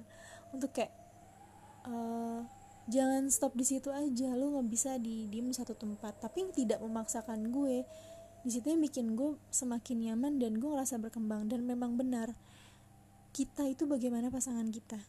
Kalau pasangan kita baik kita bakal bisa lebih baik pasangan kita cerdas cerdas sorry. Pasangan kita cerdas kita bisa juga cerdas gitu. Terus kalau uh, pasangan kita soleh kita juga bakal lebih kuat imannya gitu kan. Dan menurut gue dia itu paket lengkap. Cialah paket lengkap. Udah kayak MCD paket panas. Paket panas spesial spesial banget sih dia tuh tapi ya masalah nggak di situ aja. Dari awal masalah ada di bundanya yang karena dia berdeket sama temen gue juga. Bukan kenal sama gue duluan tapi kenal sama temen gue gitu. Cuma bundanya bukan berarti me apa ya mendiskriminasi gue enggak. Cuma lebih kayak takut gue tuh musuhan sama temen gue. Tapi di situ dia ngebuktiin terus. Itu masalah pertama. Yang kedua ada perempuan yang belum bisa jauhin dia gitu karena memang dia mungkin terlalu baik ya. Tapi dia juga tipe orang yang cuek nggak deket nggak gampang deket sama semua cewek gitu. Even itu temannya dia. Teman yang udah lama sama dia. Itu yang mungkin susah ya buat dilakuin sama cowok-cowok zaman sekarang gitu buat lebih cuek sama teman sendiri gitu yang perempuan gitu kan. Terus juga dia soalnya dia nggak nggak neko-neko orangnya dan dia ngertiin gue yang banyak jajan ini gitu dia juga nggak pernah memperhitungkan apa pun mau waktu atau apa pun.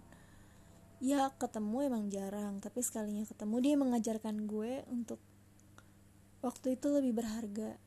Jadi kalau lo lagi ada waktu ketemu sama orang yang lo kasihi cobalah kurangin untuk main HP atau untuk sibuk dengan dunia lo sendiri gitu. Nikmatin waktu sama orang yang lo kasih kayak gitu terus juga dia sering banget bantuin gue bikin PR bener-bener yang kayak I feel like a queen sama dia. Merasa bener-bener gue yang spesial gitu padahal dia yang spesial gitu. Susah banget zaman sekarang nemu cowok kayak gitu. Atau mungkin emang gue belum pernah ketemu ya. Tuhan lagi mempertemukan gue dengan orang-orang yang toksik dulu sebelumnya. Itu tuh gimana ya kalian juga pasti pernah kan ngalamin yang namanya toxic relationship.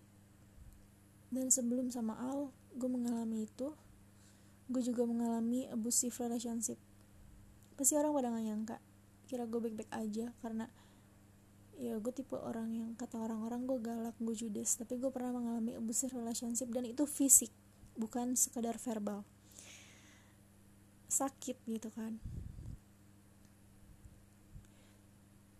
di mana gue harus ngelesain masalah hari itu juga dan gue dipaksa menyelesaikan masalah di hari itu juga di waktu itu juga tanpa lihat keadaan, tanpa lihat situasi, tanpa lihat gue lagi di mana, kita lagi di mana. Makanya pas ketemu sama Al, beberapa bulan gue baru yakin sama dia, karena toxic itu juga pengalaman yang cukup buruk buat gue gitu. Tapi setelah itu gue sadar sih kalau emang dia yang terbaik. Dan pada akhirnya gue tanyakan sama dia gitu mau kapan. Dan pada bulan Juni kita tuh sempat mau ngobrolin masalah ini masalah keseriusan kita. Tapi pertengahan Juni dia kecelakaan motor. Dari dulu dia itu sering banget naik motor jatuh. Terus dia kecelakaan motor HP-nya rusak udah gak berbentuk motornya rusak. Itu kecelakaan karena ada ojek online yang nyalip-nyalip yang bawa motornya kurang baik juga. Terus helmnya juga rusak. Dan situ ada CCTV yang gue juga ngeliat CCTV itu gimana kecelakaannya dia sempat koma sampai operasi tengkorak kepala. Ya kalau dibilang gak nerima ya pasti gue gak nerima. Dari awal gue denial aja gitu nggak mungkin dia kayak gitu. Terus selang satu minggu lebih setelah operasi tengkorak kepala waktu hari Sabtunya gue masih nengokin dia. Dan ternyata minggu pagi pas gue lagi COD-an posisinya kakaknya ngabarin kalau dia udah gak ada. Allah lebih sayang sama dia daripada kita. Yang sayang sama dia Allah pencipta kita. Allah lebih tahu yang terbaik buat kita. Di situ ya gue gak, gak langsung terima gitu aja itu gue udah nangis juga ya karena malu gitu. Tapi sampai kosan tangisan gue pecah. Dan untungnya teman kosan gue itu baik banget. Dia berusaha buat tenangin gue meluk gue ratus. Itu benar pertama kalinya gue nangis pecah di kosan gitu. Terus dari situ gue juga ngeliat siapa yang benar-benar peduli sama gue.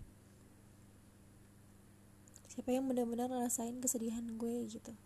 Teman-teman gue yang mana keluarga gue yang kayak gimana? Orang-orang terdekat gue siapa? Yang bener-bener tulus sama gue. Setelah itu dia dibawa ke Padang. Dia dikuburkan di Padang. Gue nggak bisa ngeliat dia buat yang terakhir kalinya. Gue ngeliat dia yang terakhir kalinya pas gue lagi ngejenguk dia waktu hamin satu sebelum dia meninggal. Terus gue sempet depresi selama dua minggu sampai teman-teman kerjaan gue nyari tahu rumah gue gitu buat nyamperin gue karena gue udah gak ada kabar gue gue nggak aktif di sos di sosmed selama dua minggu itu. Dan kalau kalian tanya perasaan gue sekarang kayak gimana masih sama. Mungkin bedanya gue lebih ikhlas. Tapi untuk ke dia ya gue belum bisa lupa jadi selama dua minggu itu ya gue liat selalu gue merasakan sakitnya gue ditinggalin kayak gimana ditinggalin untuk lama lamanya gitu. Walaupun gue tahu kita di sini juga sama-sama numpang. Sama-sama di dunia itu sama-sama numpang. Sama-sama cuma buat ngumpulin amal kita aja buat bekal kita nanti biar kita dapat tempat yang lebih baik biar kita benar-benar disayang sama Tuhan karena amalan kita. Sini kita cuma sama-sama ngontrak dan benar-benar bakal ketemu tuh di akhirat tapi tetap yang namanya manusia punya rasa sedih juga kan. Gitu punya perasaan juga. Jadi nih buat kalian yang sekarang masih dikelilingin sama orang-orang yang benar-benar sayang sama kalian jaga baik-baik mereka hargai keberadaan mereka. Karena kita nggak akan pernah tahu apa yang akan terjadi ke depannya. Satu det satu menit satu detik pun kita nggak akan pernah tahu apa yang akan terjadi sama kita atau sama orang yang ada di sekeliling kita. Dari sini gue belajar bahwa cinta sejati itu beneran ada. Dari sini gue belajar kalau lelaki yang cerdas itu yang bisa bikin kita nyaman tanpa perlu paksaan dari sisi mana pun. Dan orang-orang baik pasti akan membawa aura yang baik. Kita, baiknya kita, perubahan kita, perkembangan kita, itu bagaimana pasangan kita, bagaimana orang yang ada di sekeliling kita. Sekian cerita panjang dari gue.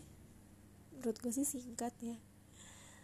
Ya mungkin panjang karena kelamaan waktunya dan kelamaan diamnya mohon maaf kalau gue belum bisa ceritain semuanya atau mungkin cerita gue masih kurang lengkap buat kalian masih kurang puasin kalian karena gue di sini aduk untuk memuaskan semua orang guys.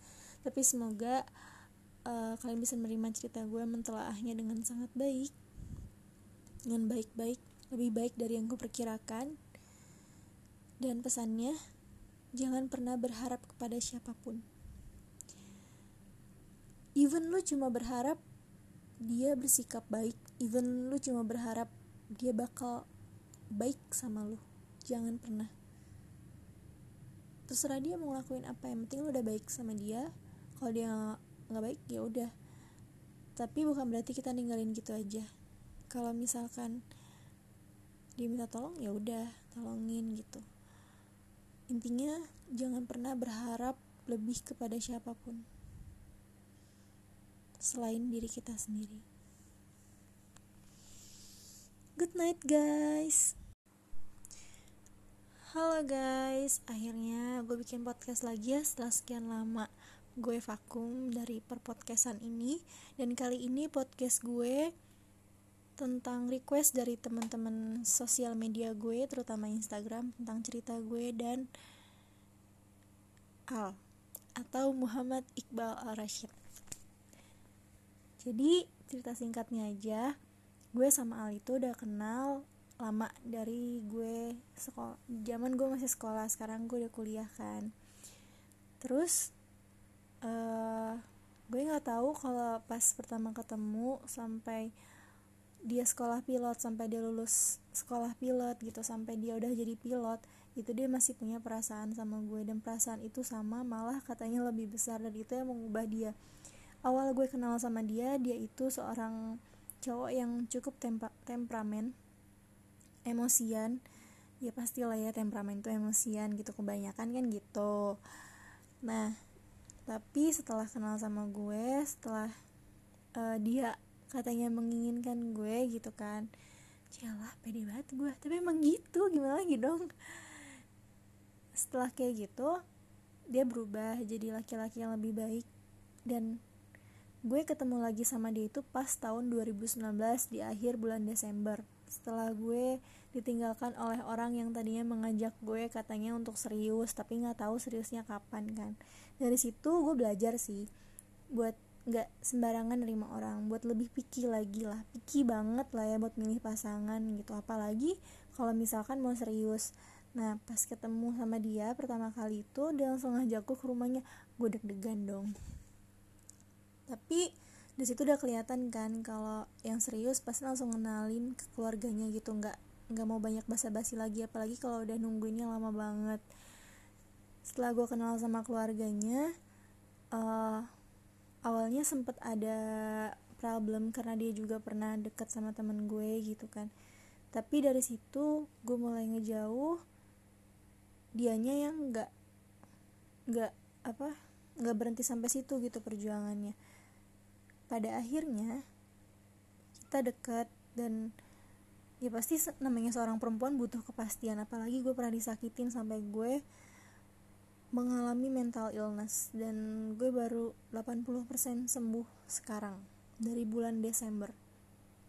Sekarang udah bulan November ya. Udah mau satu tahun.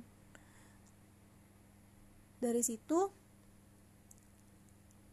gue nanya kepastian dia bisanya kapan? Dia bukan bisanya ya dia mau kapan?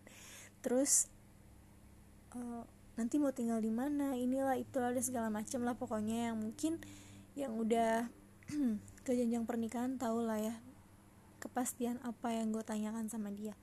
Dan ternyata dia udah siap semua. Sampai dia bilang waktu itu sampai nyari rumah dan kita udah punya rumah. Yang namanya hubungan itu nggak mungkin yang namanya nggak ada permasalahan pasti ada permasalahan. Dan kenapa gue bisa memilih dia dan yakin sama dia? Bukan cuma karena dia menunggu gue selama enam tahun lebih gitu.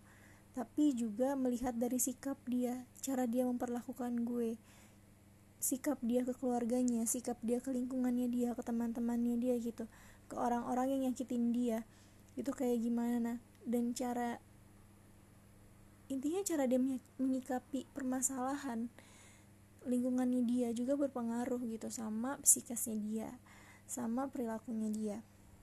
Alhamdulillah dia ada lingkungan yang baik. Dan apa yang dia lakukan ke gue itu nggak cuma kayak sekedar nanya udah makan belum? Nggak dia nggak pernah kayak gitu. Dia selalu kayak makan yuk di sini.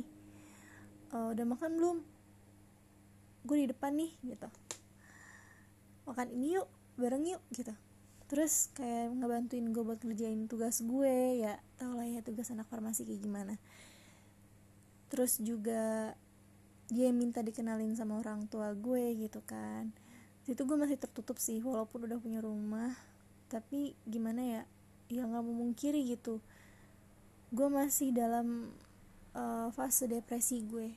Fase denial gue denial sih enggak cuma ya gue masih depresi aja gitu setelah gue begitu tulus sama orang tapi orang itu orang itu malah mempermainkan gue. Yang kena imbasnya ya al pastinya. Jadi gue nggak bisa ngasih di maksudnya ngasih perasaan gue sepenuhnya ke dia gitu. Ngasih dia perasaan tulus gue yang dulu gue kasih ke orang yang salah. Itu nggak bi belum bisa bukan nggak bisa belum bisa. Tapi walaupun begitu gue kasih dia setengah. Tapi dia memiliki gue sepenuhnya dalam artian kayak dia tahu gue dia paham gue. Dia yang lebih mengerti gue seperti apa gue bagaimana sikap gue bagaimana cara menghadapi gue tuh gimana. Dia lebih paham. Dan gue lihat itu ada di sosok laki-laki yang cerdas bukan sekedar pintar. Karena laki-laki cerdas itu bisa bikin kita nyaman. Ya kasih nyaman tanpa dibuat-buat. Nyaman tanpa kita harus cari tahu gimana sih caranya bisa gue nyaman sama dia? Enggak. Itu datang dengan sendirinya dan itu bakal bertahan. Kalau kita menemukan pasangan yang cerdas yang benar-benar sayang sama kita. Dan pasangan cerdas itu biasanya setia. Nggak akan main sama yang lain. Sama wanita lain gitu kan. Terus uh, dari situ gak lama juga ternyata ada yang suka sama dia pastilah diganggu ini dari mana pun yang namanya ada hubungan hubungan hubungan tuh pasti ada aja pengganggunya. Tapi dia nggak pernah gimana ya nggak pernah ngeladenin banget gitu perempuan itu. Sampai gue tuh kalau sama dia sering banget sih teman-teman gue sampai pada bilang kayak lu tuh nggak kasihan apa sama dia ngediemin? Karena emang sifat gue kayak gini ya namanya gue juga belum yakin gitu kan. Dan ternyata emang bener dia yang terbaik gitu. Pastilah kalau kita nemuin orang yang benar pasti teman-teman kita juga ngerasa orang itu benar gitu kan. Yang lebih yang lebih ngerasain biasa itu teman terdekat kita gitu orang terdekat kita. Kalau orang yang menjadi pasangan kita sekarang gitu kan yang lagi jadi pasangan kita itu adalah orang yang tepat dan gue baru ngerasain kali itu sih bener-bener ngerasain kayak temen temen dekat gue yang tahu cerita gue sama dia gitu yang intens sama gue maksudnya sering ketemu sama gue gitu. Itu tuh mereka tuh ngedukung orang tua gue juga ngedukung gitu. Tapi gue tetap masih belum percaya karena mungkin gue masih statusnya di situ masih menderita mental illness ya. Karena mental illness susah banget buat dihilanginnya dan sem dan tapi gue percaya sih kalau misalkan kita dekat sama Tuhan gak akan ada penyakit yang betah lama-lama dalam diri kita bertahan di diri kita gitu. Dia tahu tentang gue punya mental illness malah dia yang bayar psikiater dia yang bayar psikolog buat ngobatin mental illness gue itu. Gila gak tuh? Baik banget kan? Emang dia baik banget sih. Dan dia gak pernah hitungan dia juga bukan tipe cowok yang ngomong doang gitu kamu nggak boleh ini nggak boleh itu. Enggak justru kalau misalkan gue salah dia kasih tahu e, mau coba kayak gini gak nanti hasilnya gini gini gini. Ini perkiraan gue. Tapi kalau lu coba lu pikir lu pikir dulu. Dia selalu ngajak gue untuk berpikir untuk kayak uh, jangan stop di situ aja. Lu nggak bisa di diem satu tempat. Tapi tidak memaksakan gue di situ yang bikin gue semakin nyaman dan gue ngerasa berkembang. Dan memang benar kita itu bagaimana pasangan kita? Kalau pasangan kita baik kita bakal bisa lebih baik. Pasangan kita cerdas cerdas sorry. Pasangan kita cerdas kita bisa juga cerdas gitu. Terus kalau uh, pasangan kita soleh kita juga bakal lebih kuat imannya gitu kan. Dan menurut gue dia itu paket lengkap. Cialah paket lengkap. Udah kayak MCD paket panas paket panas spesial spesial banget sih dia tuh. Tapi ya masalah nggak di situ aja. Dari awal masalah ada di bundanya yang karena dia pernah sama temen gue juga. Bukan kenal sama gue duluan tapi kenal sama temen gue gitu. Cuma bundanya bukan berarti me apa ya mendiskriminasi gue enggak. Cuma lebih kayak takut gue tuh musuhan sama temen gue tapi di situ dia ngebuktiin terus itu masalah pertama. Yang kedua ada perempuan yang belum bisa jauhin dia gitu. Karena memang dia mungkin terlalu baik ya. Tapi dia juga tipe orang yang cuek nggak deket nggak gampang deket sama semua cewek gitu. Even itu temannya dia. Teman yang udah lama sama dia. Itu yang mungkin susah ya buat dilakuin sama cowok-cowok zaman sekarang gitu. Buat lebih cuek sama teman sendiri gitu yang perempuan gitu kan terus juga dia soalnya dia nggak nggak neko-neko orangnya dan dia ngertiin gue yang banyak jajan ini gitu. Dia juga nggak pernah memperhitungkan apa pun mau waktu atau apa pun. Ya ketemu emang jarang tapi sekalinya ketemu dia mengajarkan gue untuk waktu itu lebih berharga. Jadi kalau lo lagi ada waktu ketemu sama orang yang lo kasihi cobalah kurangin untuk main HP atau untuk sibuk dengan dunia lo sendiri gitu nikmatin waktu sama orang yang lo kasih kayak gitu. Terus juga dia sering banget bantuin gue bikin PR bener-bener yang kayak I feel like a queen sama dia. Berasa bener-bener gue yang spesial gitu padahal dia yang spesial gitu. Susah banget zaman sekarang nemu cowok kayak gitu atau mungkin emang gue belum pernah ketemu ya Tuhan lagi mempertemukan gue dengan orang-orang yang toksik dulu sebelumnya.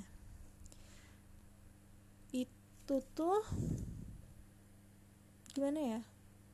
Kalian juga pasti pernah kan ngalamin yang namanya toxic relationship.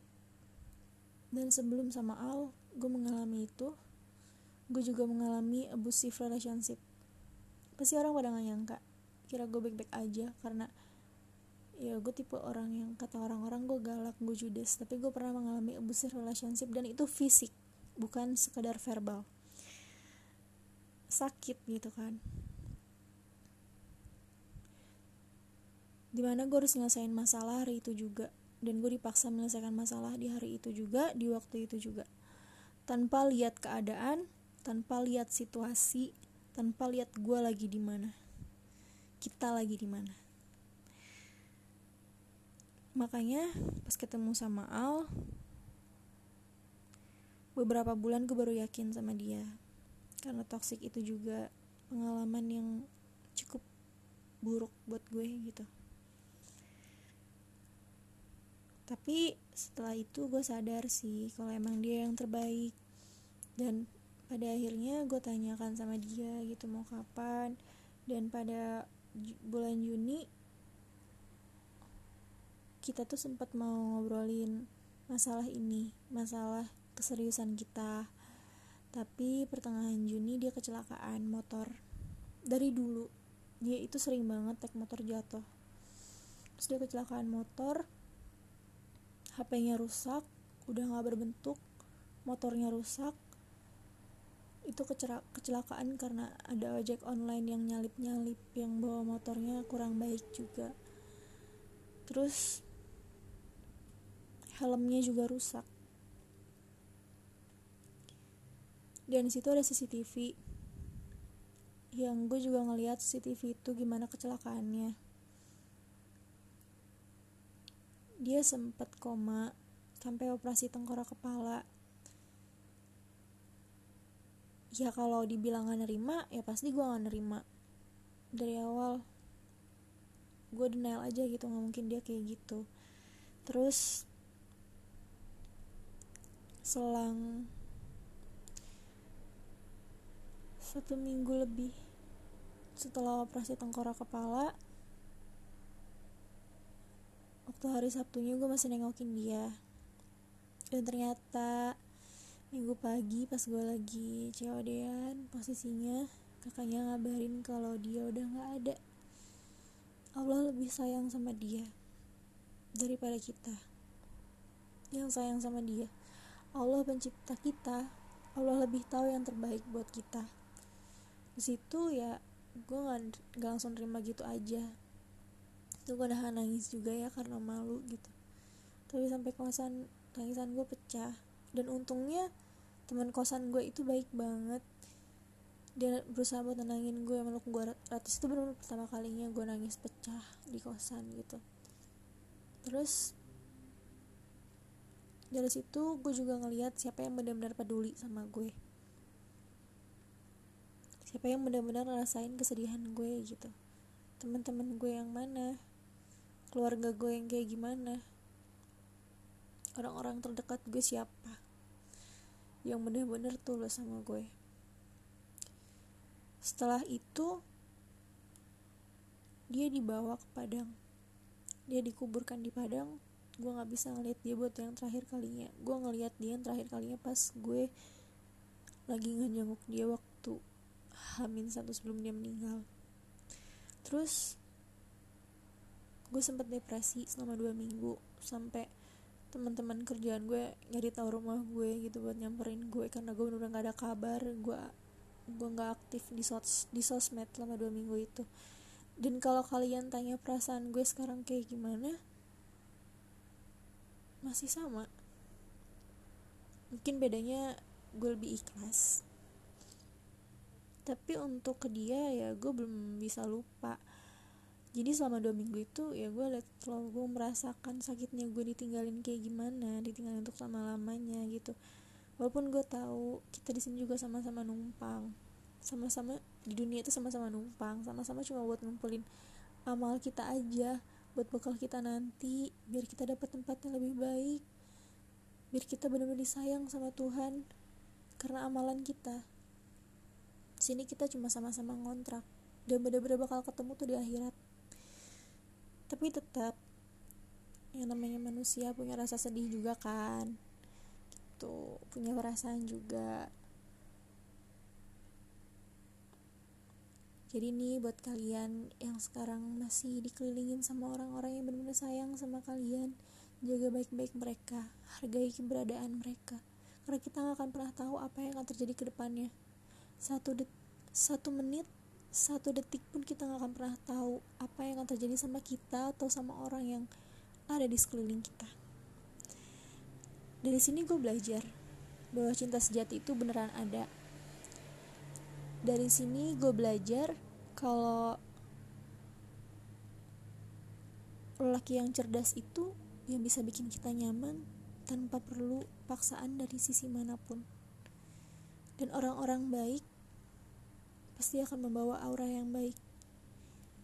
Kita baiknya kita perubahan kita perkembangan kita itu bagaimana pasangan kita?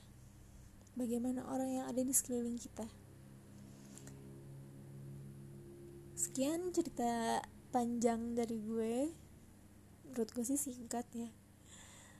Ya mungkin panjang karena kelamaan waktunya dan kelamaan diamnya mohon maaf kalau gue belum bisa ceritain semuanya atau mungkin cerita gue masih kurang lengkap buat kalian masih kurang puasin kalian karena gue di sini ada untuk memuaskan semua orang guys.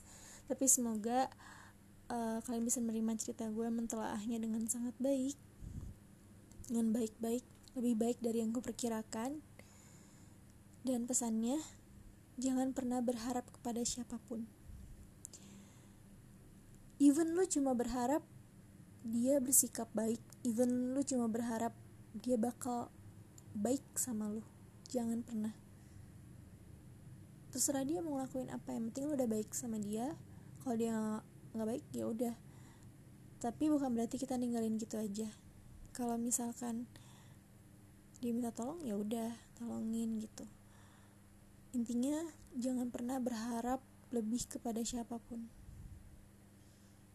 Selain diri kita sendiri. Good night guys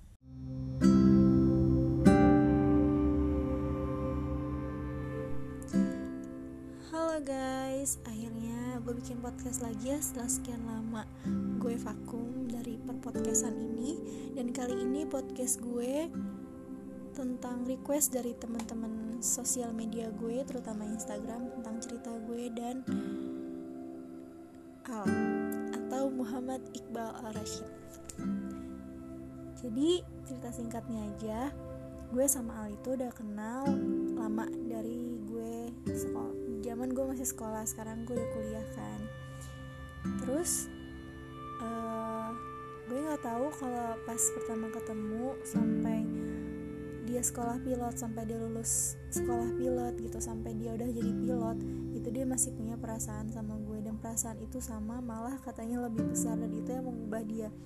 Awal gue kenal sama dia dia itu seorang cowok yang cukup tempa temperamen emosian ya pastilah ya temperamen tuh emosian gitu kebanyakan kan gitu. Nah tapi setelah kenal sama gue setelah uh, dia katanya menginginkan gue gitu kan Yalah pede banget gue tapi emang gitu gimana lagi dong? Setelah kayak gitu dia berubah jadi laki-laki yang lebih baik. Dan gue ketemu lagi sama dia itu pas tahun 2019 di akhir bulan Desember. Setelah gue ditinggalkan oleh orang yang tadinya mengajak gue katanya untuk serius tapi nggak tahu seriusnya kapan kan. Dari situ gue belajar sih buat nggak sembarangan nerima orang buat lebih picky lagi lah. Picky banget lah ya buat milih pasangan gitu apalagi kalau misalkan mau serius. Nah pas ketemu sama dia pertama kali itu dia langsung ngajakku ke rumahnya. Gue deg-degan dong. Tapi di situ udah kelihatan kan kalau yang serius pasti langsung kenalin ke keluarganya gitu. Nggak nggak mau banyak basa-basi lagi apalagi kalau udah nungguinnya lama banget.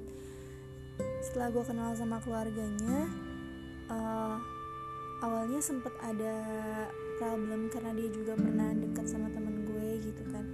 Tapi dari situ gue mulai ngejauh dianya yang nggak nggak apa nggak berhenti sampai situ gitu perjuangannya pada akhirnya kita dekat dan ya pasti namanya seorang perempuan butuh kepastian. Apalagi gue pernah disakitin sampai gue mengalami mental illness dan gue baru 80% sembuh sekarang dari bulan Desember. Sekarang udah bulan November ya. Udah mau satu tahun.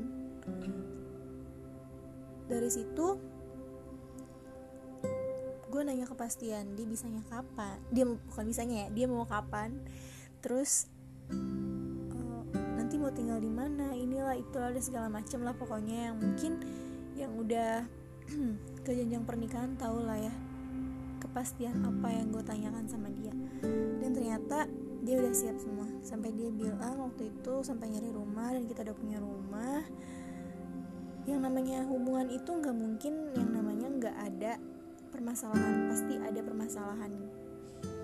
Dan kenapa gue bisa memilih dia dan yakin sama dia? Bukan cuma karena dia menunggu gue selama enam tahun lebih gitu. Tapi juga melihat dari sikap dia cara dia memperlakukan gue. Sikap dia ke keluarganya sikap dia ke lingkungannya dia ke teman-temannya dia gitu.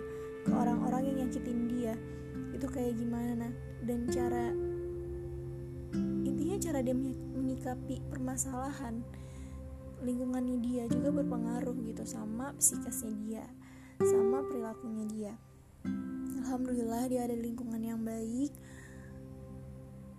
Dan apa yang dia lakukan ke gue itu nggak cuma kayak sekedar nanya udah makan belum? Nggak dia pernah kayak gitu. Dia selalu kayak makan yuk di sini. Uh, udah makan belum? Gue di depan nih gitu. Makan ini yuk bareng yuk gitu.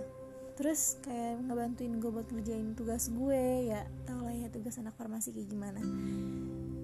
Terus juga dia minta dikenalin sama orang tua gue gitu kan. Itu gue masih tertutup sih walaupun udah punya rumah.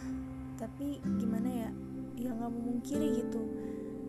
Gue masih dalam uh, fase depresi gue fase denial gue denial sih enggak cuma ya gue masih depresi aja gitu. Setelah gue begitu tulus sama orang tapi orang itu orang itu malah mempermainkan gue. Yang kena imbasnya ya al pastinya. Jadi gue nggak bisa ngasih di maksudnya ngasih perasaan gue sepenuhnya ke dia gitu. Ngasih dia perasaan tulus gue yang dulu gue kasih ke orang yang salah itu nggak belum bisa bukan nggak bisa belum bisa. Tapi walaupun begitu gue kasih dia setengah tapi dia memiliki gue sepenuhnya. Dalam artian kayak dia tahu gue dia paham gue. Dia yang lebih mengerti gue seperti apa gue bagaimana sikap gue bagaimana cara menghadapi gue tuh gimana dia lebih paham. Dan gue lihat itu ada di sosok laki-laki yang cerdas bukan sekedar pintar. Karena laki-laki cerdas itu bisa bikin kita nyaman ya gak sih? Nyaman tanpa dibuat-buat. Nyaman tanpa kita harus cari tahu gimana sih caranya bisa gue nyaman sama dia. Enggak itu datang dengan sendirinya dan itu bakal bertahan. Kalau kita menemukan pasangan yang cerdas yang benar-benar sayang sama kita. Dan pasangan cerdas itu biasanya setia. Nggak akan main sama yang lain. Sama wanita lain gitu kan. Terus uh, dari situ gak lama juga ternyata ada yang suka sama dia pastilah digangguin dia dari mana pun yang namanya ada hubungan hubungan hubungan tuh pasti ada aja pengganggunya. Tapi dia nggak pernah gimana ya nggak pernah ngeladenin banget gitu perempuan itu. Sampai gue tuh kalau sama dia sering banget sih teman-teman gue sampai pada bilang kayak tuh nggak kasihan apa sama dia ngediemin? Karena emang sifat gue kayak gini ya gue juga belum yakin gitu kan. Dan ternyata emang bener dia yang terbaik gitu. Pastilah kalau kita nemuin orang yang benar pasti teman-teman kita juga ngerasa orang itu benar gitu kan. Yang lebih yang lebih ngerasain biasa itu teman terdekat kita gitu orang terdekat kita. Kalau orang yang menjadi pasangan kita sekarang gitu kan yang lagi jadi pasangan kita itu adalah orang yang tepat dan gue baru ngerasain kali itu sih bener-bener ngerasain kayak temen temen dekat gue yang tahu cerita gue sama dia gitu yang intens sama gue maksudnya sering ketemu sama gue gitu. Itu tuh mereka tuh ngedukung orang tua gue juga ngedukung gitu. Tapi gue tetap masih belum percaya karena mungkin gue masih statusnya di situ masih menderita mental illness ya. Karena mental illness susah banget buat dihilanginnya dan sem dan tapi gue percaya sih kalau misalkan kita dekat sama Tuhan gak akan ada penyakit yang betah lama-lama dalam diri kita bertahan di diri kita gitu. Dia tahu tentang gue punya mental illness malah dia yang bayar psikiater dia yang bayar psikolog buat ngobatin mental illness gue itu. Gila gak tuh? Baik banget kan? Emang dia baik banget sih. Dan dia gak pernah hitungan dia juga bukan tipe cowok yang ngomong doang gitu kamu nggak boleh ini nggak boleh itu. Nggak. Justru kalau misalkan gue salah dia kasih tahu e, mau coba kayak gini gak nanti hasilnya gini gini gini. Ini perkiraan gue.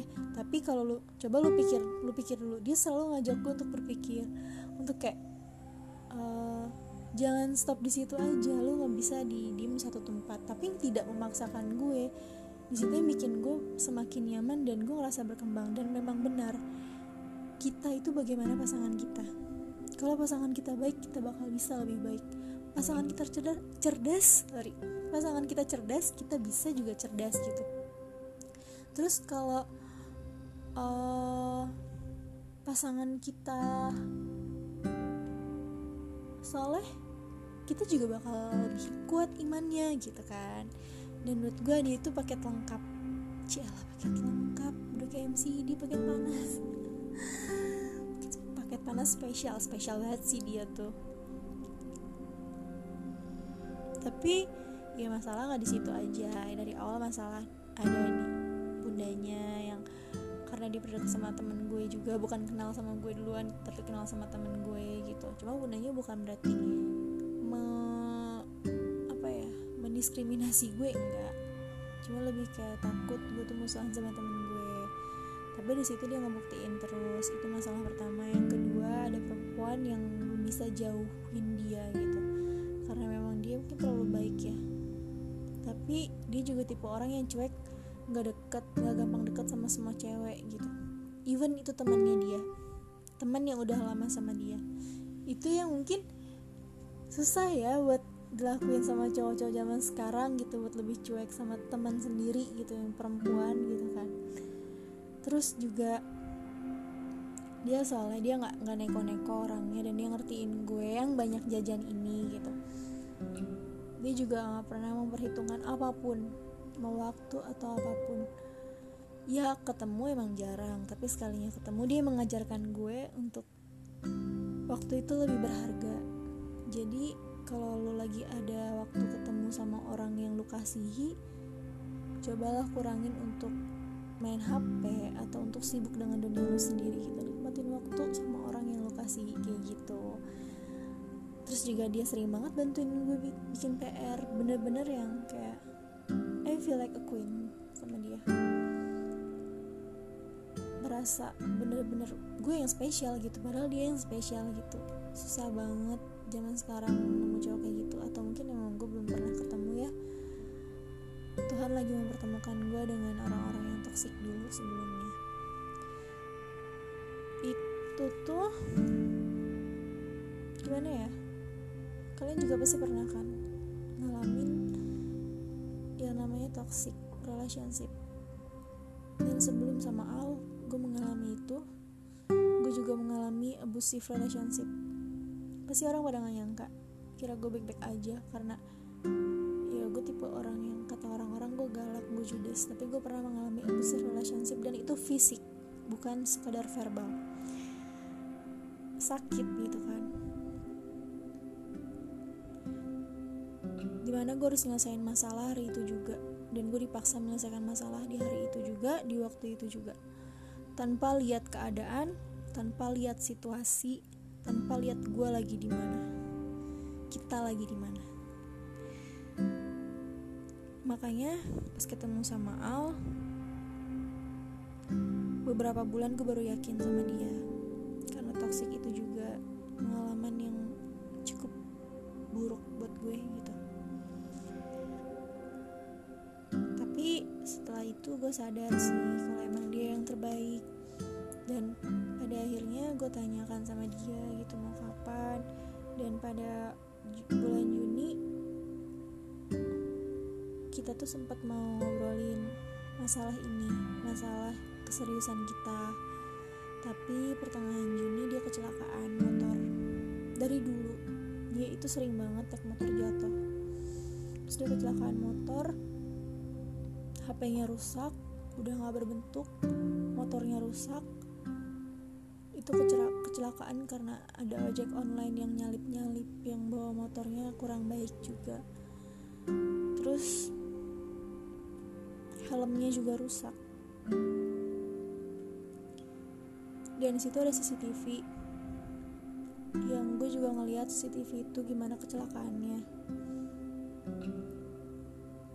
Dia sempat koma sampai operasi tengkorak kepala.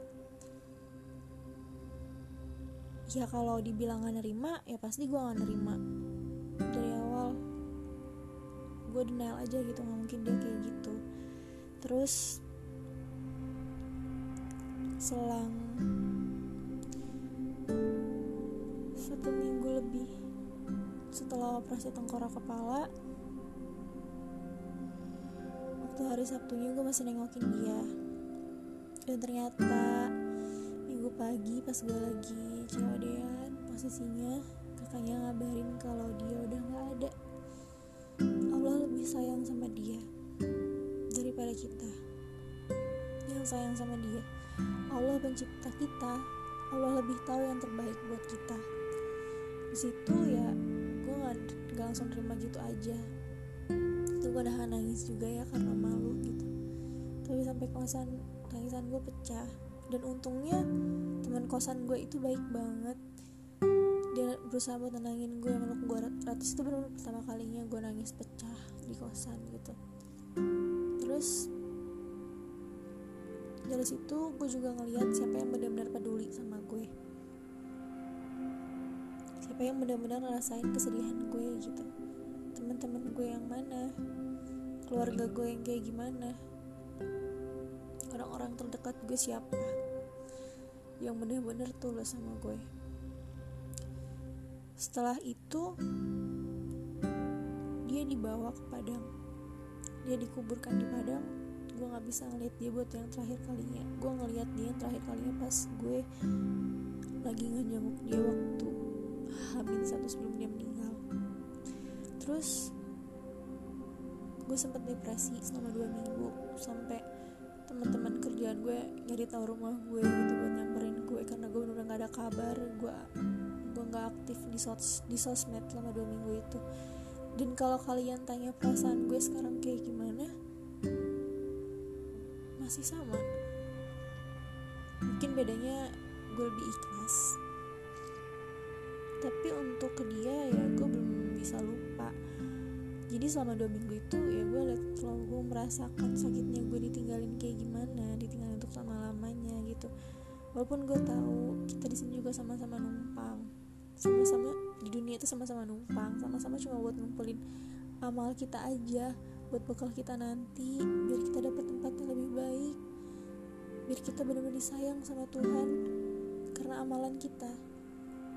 Di sini kita cuma sama-sama ngontrak dan benar-benar bakal ketemu tuh di akhirat. Tapi tetap yang namanya manusia punya rasa sedih juga kan tuh punya perasaan juga jadi nih buat kalian yang sekarang masih dikelilingin sama orang-orang yang benar sayang sama kalian jaga baik-baik mereka hargai keberadaan mereka. Karena kita gak akan pernah tahu apa yang akan terjadi ke depannya. Satu det satu menit satu detik pun kita gak akan pernah tahu apa yang akan terjadi sama kita atau sama orang yang ada di sekeliling kita. Dari sini gue belajar bahwa cinta sejati itu beneran ada dari sini gue belajar kalau lelaki yang cerdas itu yang bisa bikin kita nyaman tanpa perlu paksaan dari sisi mana pun. Dan orang-orang baik pasti akan membawa aura yang baik. Kita baiknya kita perubahan kita perkembangan kita itu bagaimana pasangan kita? Bagaimana orang yang ada di sekeliling kita sekian cerita panjang dari gue. Menurut gue sih singkat ya. Ya mungkin panjang karena kelamaan waktunya dan kelamaan diamnya.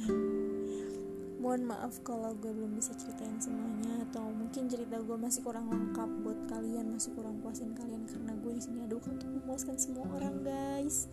Tapi semoga uh, kalian bisa menerima cerita gue mentelaahnya dengan sangat baik. Dengan baik-baik lebih baik dari yang gue perkirakan dan pesannya jangan pernah berharap kepada siapa pun. Even lu cuma berharap dia bersikap baik. Even lu cuma berharap dia bakal baik sama lu. Jangan pernah. Terserah dia mau ngelakuin apa. Yang penting lu udah baik sama dia. Kalau dia nggak baik ya udah. Tapi bukan berarti kita ninggalin gitu aja. Kalau misalkan dia minta tolong ya udah tolongin gitu intinya jangan pernah berharap lebih kepada siapa pun selain diri kita sendiri. Good night, guys.